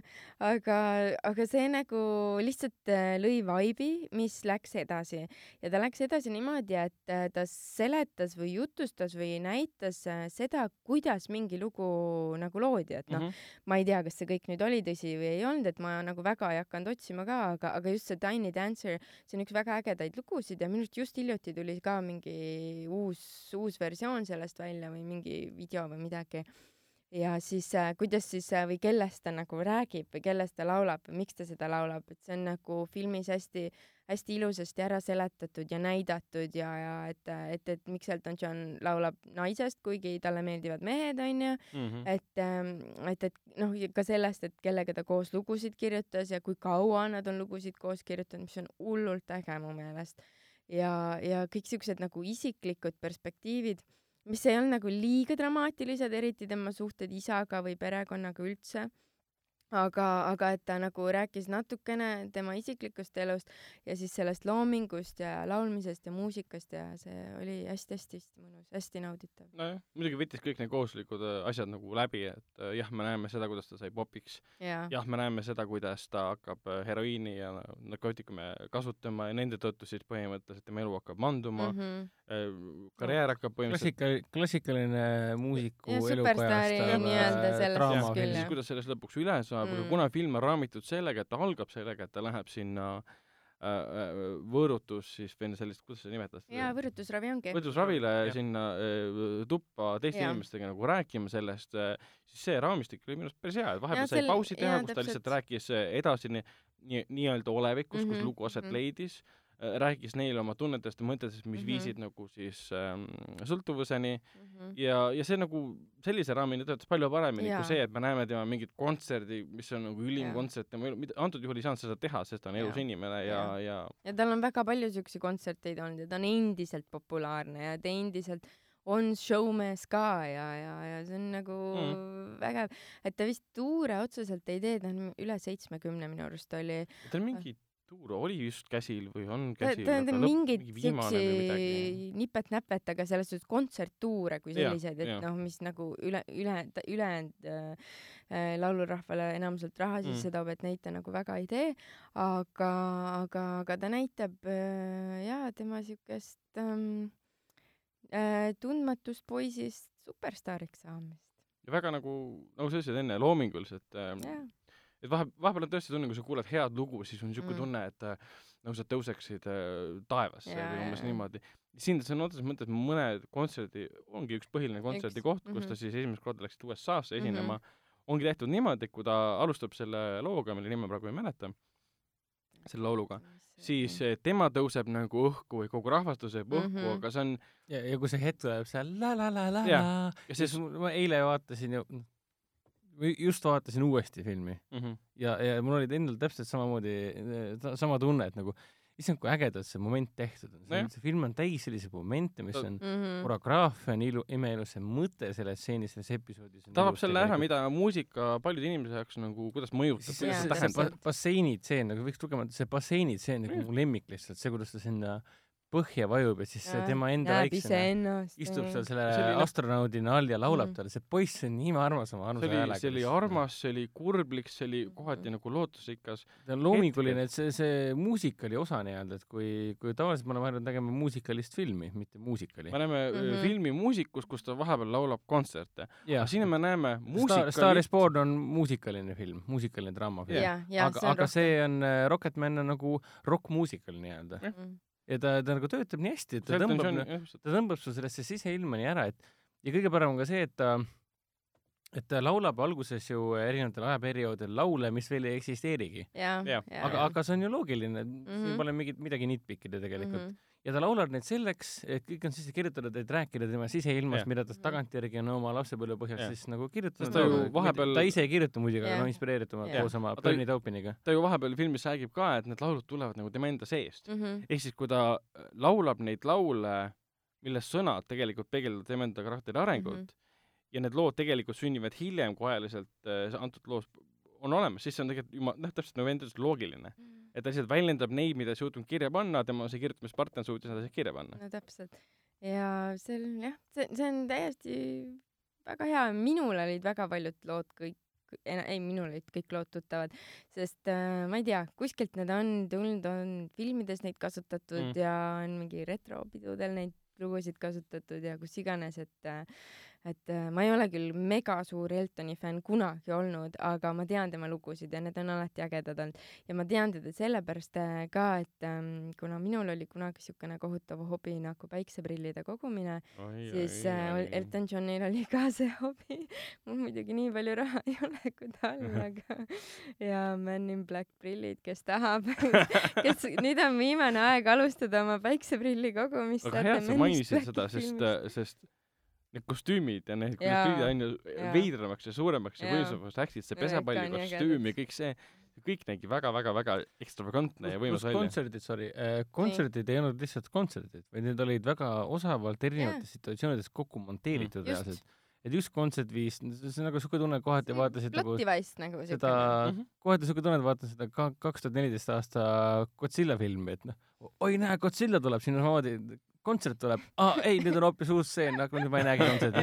aga erinevalt Godzillas seesama kontsert jätkub, samal ajal me näeme paralleelmontaaži sellest, mis samal ajal toimub yeah. mingis muus situatsioonis yeah. ja see kontsert ja see laul ise ilmestab kõike seda, mis hetkel mm. toimub yeah. tema ümber ja tema sees ja nii edasi. mõnes mõttes see filmi struktuur on väga hektiline yeah aga, aga kuna Taron Egerton on nii suurepärane näitleja mm, -hmm. siis ta mhm. nagu kannab meid selles hektilisuses no, filmi... endaga kaasas kogu aeg mm. -hmm nüüd teist korda vaadates filmi teine pool on ikka tegelikult Maxi Pikk ja Maxi oh, no., Maxi Tebrekas. tegelikult kõik see osa, noh, tema üli allakäik, allakäik nii-öelda mm., see on aga huvitaval kombel nad olid väga hästi selle nagu ära jaganud, kõik need allakäigu mm -hmm. trepid nii-öelda, et vastasel juhul see oleks muutunud niivõrd pikaks ja tüütuks koguni isegi. aga siin ta nagu iga kord, kui ta Richard Maddeni, kes seda John, ütle nüüd mulle seda mäne-, mänedžeri nimi John Reed, John Reed, Reed., John Reed oli ju Bohemian Rhapsodys ka. selle, mis ta nüüd nimi on, selle Littlefingeri näitleja Tronide mängus kehastas teda. kusjuures sellega seoses ma lugesin, et äh, Dexter Fletcher vist oli kaalunud või Elton John oli kaalunud, et äh, Rocketmanis oleks võinud siis teha um, Freddie Mercury uh, cameo ah, ehk siis Rami, Rami Maleku versioon Rami Maleki versioon. no nad on, nad on ju kõik omaaegsed ja, ja nad olid ju pestikad ka niikuinii. kuna sama. stuudio viiskümmend neli ja kõik see nali seal. täpselt ja sa, kuna sama mänedžer ka, John mm -hmm. Reed, et siis teoorias okay. oleks võinud kokku viia äkki wow,. okei seda ma ei teadnudki. et see on siis muusikafilmide MCU nagu mõnes mõttes aga mis asi on veel minu arust tähtis, äh, filmi kõige-kõige lõpus tiitrite ajal on siis äh, päris pildid päris Elton Johnist versus siis äh, need, mis olid filmi jaoks mm -hmm. tehtud, et, et kindlasti tasuks neid ka vaatama jääda, et minule need väga-väga meeldisid, et need olid nii ägedad. et mihuke Elton John siis nii-öelda päriselt oli kahekümne viiesene ja siis mihukesena teda filmis kujutati, et see sarnasus oli mega suur tegelikult. nagu Taran, Taran, mulle, mulle öeldi, et Taran on ilusam noorena kui oh,, kui, kui Elton ise oli, aga samas kuna Eltoni stuudio ja noh, firma aitas ju filmi teha ja, ka, et täpselt. kui mina teeksin endast filmi ja valiksin, siis ma paneksin ka kellegi endast ilusa. kuigi see vahe ei ole nii märkimisväärne, et nad on ikkagi väga-väga sarnased ja mm. hullult hästi valitud. väga hästi, see casting on sama, enam-vähem sama spot on, mis Rami Malek ja Bohemian Rhapsody olgugi, et äh, Rami Malekiga, vaata kui alguses ta valiti sinna rolli, siis noh, kogu maailm või no internet mõtles, et oota, see, see kõhetu poiss peaks mängima seda üdini mm. maskuliinset äh, võimast, võimsa häälega mm -hmm. lauljat või? aga kui Tänan valiti, siis mingi noh, that's, that's Elton. no see oligi Rami, Rami Maleki su juures kõige suurem üllatus, et ta suutis selle loo, selle see oli väga suur töö ka muidugi, et, et olla, ta tegi ja. seda väga hästi muidugi, absoluutselt. mina, mina ei ole kindlasti üks nendest, kes ütleks, et et Rocketman on maailma parim, Bohemian Rhapsody on päh ja paha ja Rami ei vääri Oscarit ja, ja see Elton ja Taran on ikka palju parem, et minu meelest nad on mõlemad on head filmid, aga ainuke probleem on see, et äh, Bohemian Rhapsody on äh, Rami Maleki ja Freddie Mercury film. Rocketman on äh, äh, muusikafilm sellest, sellest, saad aru, mis ma mõtlen või? et kui, kui sa kui... üks räägib rohkem muusikast, üks rohkem mehest. et üks, üks on isegi rohkem, et ta on nagu Rocketman nagu terviklik muusikaline eluloo film. teine lihtsalt on vaadatav ainult sellepärast, et seal on äh, Freddie Mercury mm. muidu, kui sa paneksid sinna mingi teise tegelase, teise kuulsa laulja mm äh, Bohemian Rhapsody veas, vahetab pealkirja ära, siis ega siis täpselt. kui ta kuine ei ole, siis on ju suva, et noh ja Rocketmani puhul seda ei ole, et kõik need muusikalised numbrid, kõik, eriti mulle meeldis see alguses see üleminek sellest, kui ta hakkas Elvist kuulama noorena ja siis järsku muutus poisiks ja kuidas ta jooksis seal äh, karnevalil ja tsirkuse najal Aa, ringi jah. ja siis Mhm. mööda seda baari vahet ja kui ägedalt see lavastatud oli, et Taron nägi vinged. nii efektne välja ja hoopis teistsugune nagu ka nii energia, jaa, energia ja kõik möll. praegu sellest vinge. rääkides mul on tunne, et ma varsti võtaks uuesti. ja, ja tegelikult sul on õigus, see See mulle oli. Mingil määral meelest ära läinud see koht, õigus jah see oli väga äge mingi kümme minutit Jaa. muusikali Mhm. episood. ja, ja siis, siis jah. kui Bernie, kui nad esimese Ameerika wow. tööõnnetus juhtus praegu. õnnetus jälle. see oli siis, kui see agent tuli juurde, et. ja siis, kui Bernie, Bernie läks äh, peole eemale pärast Ameerika esimest etteastet ja, ja Elton jäi üksi enne seda, kui John Reed ja Richard Maddenina tuli tema juurde, siis ta laulis üksinda omavahel Mm. No e- iseendale nii-öelda. ja minu meelest see oli nii nagu, nagu see, ta ei öelnud välja seda, mida, mida võiks konkreetselt aru saada, aga see laul ise ju, noh, see põhimõtteliselt nagu kommenteeris seda, et ta nagu ta vaatas ju pealt, kuidas tema eh, noh, olles ise, ise tegelikult ta väga armastab tegelikult Burnit ju mm Mhm. -hmm. alguses, noh, see filmi põhjal jah, jah. eh,, aga ainult sõbrana nii-öelda mm. Mhm. aga võimalik, et Elton, antud, stseenist on näha, et Elton tahtis enamat, aga Byrne ei tahtnud. siis ta Mm. nagu nägi seda, et see stseen oligi üles ehitatud sellega, et see oli justkui äh, lahkuminek, nii, mitte Mhm. lahkuminek, vaid hüvasti, et äh, sellele, sellele pildile, mida ta Elton oli loonud endale Mm. mm. Byrne'ist. ja siis tuli kohe see John Reed asemele, et see oli nii nagu romantiline, hästi, hästi tundlik episood, et niisugust asja nagu noh, ei näe lihtsalt. nagu teha vist või jaa, see on nagu midagi. pingutatud reaalselt selle nimel, et nagu publikut äh, mu lemmiksõna erutada mm.. kõiki Väga tema, kõiki tema kuute meelt Noh, wow.. ühesõnaga, seda filmi kindlasti tasuks minna vaatama kinno. jaa, absoluutselt, see on äh, selle aasta kõige rajum rokkelamus. no aasta pole veel läbi, ootame ära, siin tulevad veel, võib-olla mitte nii palju rokkelamusi, aga häid elamusi kindlasti veel. headest elamustest äh, rääkides, siis läheme edasi filmisoovituste juurde, mida nüüd sel nädalal äh, kinos vaadata. üheks neist on kindlasti Matrix, mis nüüd Foorum Cinemas kinoklassika raames see nädal või? Ei no ma mõtlen kolmanda, no mitte see nädal, vaid tulevased filmid siis Okei. Eh, Foorum Cinemas kinoklassika raames on esimene Matrix vaadatav, meie oleme nüüd eh, hiljuti käisime seda vaatamas, tähendab, mina käisin vaatamas, teie, teid ei olnud sa. käisid. Hõ- Hõhvil? Hõhvil, see oli nüüd aprilli lõpupoole, käisin mina äh, suures saalis, vaatasin seda, aga see ei ole muidugi sama, kui vaadata seda Foorum Cinemas kinos iSense saalis äh, Mhm. teise Jah. heli ja pildiga kõik see. Matrix on siis üheksakümne üheksanda aasta Matrix on siis äh, meie äh, Foorum Cinemas äh, juuli kinoklassika, et juunikuus saab veel igal kolmapäeval vaadata, kas ma ütlesin juuli või juuni praegu? Äh, juunis saab vaadata. juunikuus saab vaadata igal kolmapäeval veel Quentin Tarantino absoluutset meistriteost Pulp Fictionit, mida meie ka vaatasime esilinastusel ja iSense saalis selle vaatamine on ikka omaette nähtus, mm.. et äh, ma olen vist ikka veendunud, et see on kõige parem mis ta teinud on. mul teine lemmik on muidugi Inglourious Basterds ja kolmandal juulil ongi siis esilinastus Matrixiga, film põhimõtteliselt tähistab sel aastal oma kahekümnendat aastapäeva jõhker. Äh, ja näidati ka HÖFFil ja kõik on Mm. jõle sillas ja soovitan piletid varakult ära osta, sest äh, ma arvan, et juunikuus äh, võite parimates kohtades lihtsalt ilma jääda. film tuleb näitamisele 4K resolutsioonis ehk siis parim pilt, parim Mm. heli. kolmas juuli, olge kohal. mina olen kindlasti. mina ka. ma ka. Sest see oleks nagu, see oleks nagu siis päris, esimene kord, kui ma näen seda filmi päris kinos. ma panen oma siis selle ma, mustad prillid ette, needsamad mehed mustad prillid ette Jah. ja siis äh, musta pika mantli ja Jah, noh, niisugune leikiv nahktagi tuleb ette. kindlasti väljas sajab vihma ka. siis tuled sinna saali, krikised oh. vot, ähm, mida sel nädalal kinos vaadata ähm,? sel nädalal alustab näiteks äh, John Travolta ja, Morgan Freemani ja, ja Brendan, Brendan Fraseri. My Boo äh, Mhm. Mürgi Wow. roos, film nimega Mürgi roos ähm,, samal ajal tuleb ka Preilid petised, kus Anne Hathaway ja Rebel Wilson. või Rebel Wilson. äh, ja siis muidugi Mehed mustas globaalne oht äh, Chris Hemsworthi ja siis äh, Tessa Thompsoniga mis on ühtlasi ka Foorum Cinemase juunikuu film. Täpselt. esilinastus neljapäeva õhtul kell ja mille seitse., mille, mille pluusike ja, ja, ja mm, päikseprillid ootavad ähm, õnnelikku ähm, võitja, issand, ma lause läks segamini ootavad omanikku. kirjutage.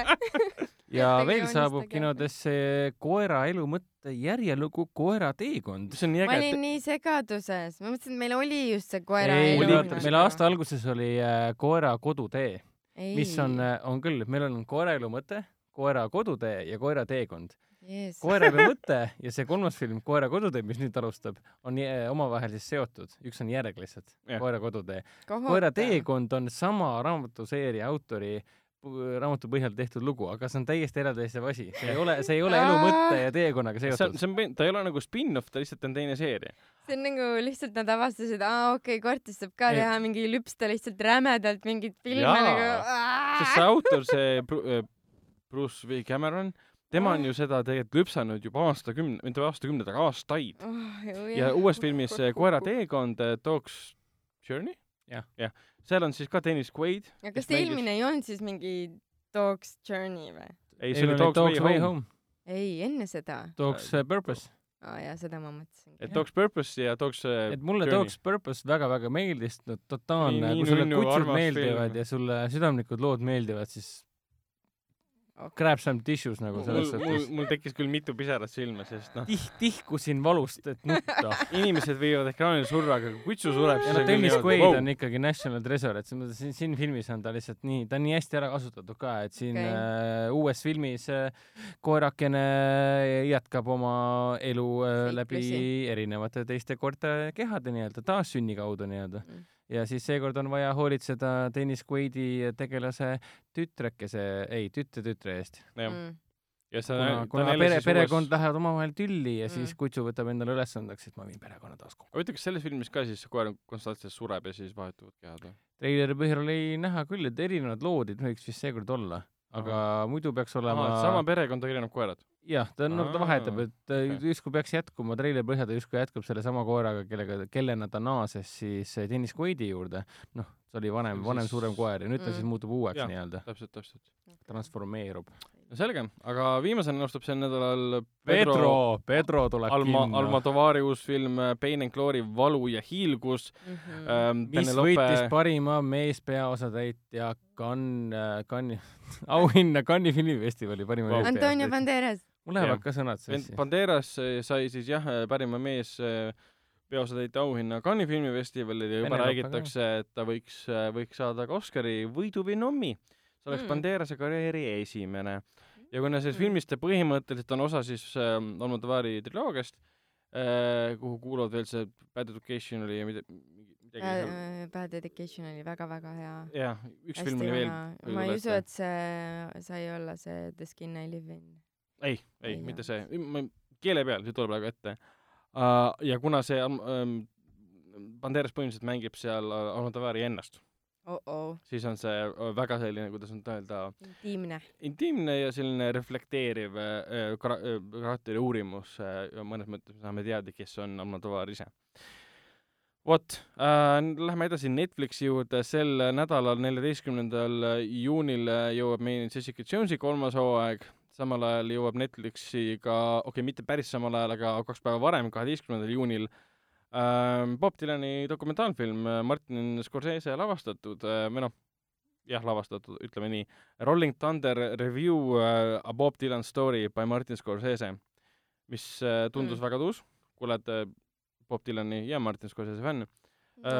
pluss jõuab American Made äh,, mil, mille sellest, aga ma ei mäleta, mis see oli. Tom Cruise'i film, mis kandis Eestis väga kummalist äh, pealkirja, mingi Mees üle Ameerika või midagi äh,. Barry Seal oli selle Barry Seal, Mees üle Ameerika oli vist nii või? jah jah, see oli sellest, äh, see oli sellest äh, tüübist, kes hakkas siis Kolumbiast narkot vedama oh, mingi CIA või FBI jaoks põhimõtteliselt ah, ja, ja teenis sellega räigelt, räigelt äh, see oli see küllaltki seikluslik ja humoorikas mm. krimipõnevik Tom Cruise'i ja Tom Knall Gleesoniga. tähendab, mitte okay. FBI ega CIA jaoks, vaid et ta töötas nende nuhina põhimõtteliselt mm.. E, e, siis selle, kes see kõige kuulsam Pablo või? Pablo Pablo Escobar. Escobar, Escobar jah, täpselt Picasso oli vist kuidas sa siis ei, kuidas sa siis ei tea oma narkoärikaid? vot, aga saa selgeks oma narkoärikad, mis värk on? pärast podcast'i peame täpselt rääkima sellest. vabandust, Ragnar, kus on su narko? vabandust, et ma ei tunne nar narkomaailma nii hästi kui teie. mina ei tea midagi. vot, aga mida sa kindlasti tead ja võiksid, on Tšernobõl ma ei luba vaadata, midagi. sest see on Telia mingi neljas saade, soovitame HBO-st vaadata Tšernobõli. aga mis on väga hea seriaal ja seda ei saa mitte kuskilt mujalt praegu vaadata nagu. vot, kuule aga selle noodiga lõpetame tänase meie see on siis järjekordselt neljateistkümnenda saate. kirjutage, joonistage meile, vastake meie küsimusele, milleks oli. ma ei tea sa ei tea? mul, mul käis see sähvatus silme eest läbi ja kõik läks meelest ära küsimus, mille eest me anname, mille vastuse eest me anname ära ühele õnnelikule äh, loosivõitjale siis äh, mehed mustas äh, globaalse ohu pluusi ja päikseprillid. küsimus on selles äh,, küsin, seisneb selles, et millel põhineb Mehed mustas filmiseeria. ühesõnaline vastus äh,, vastus tuleb saata jututuba, et kinoveeb.ee kõik äh, kinoveebi jutud ja saated on leitavad Delfi taskus, SoundCloudis, Apple podcastis, Spotify's, Google podcastis ja kõikides teistes podcasti rakendustes. aitäh kuulamast ja mina olin Ragnar, minuga koos oli Hendrik. tšau. ja Helen. järgmise korrani. tšau, Helen. tšau. tšau, Ragnar. tšau.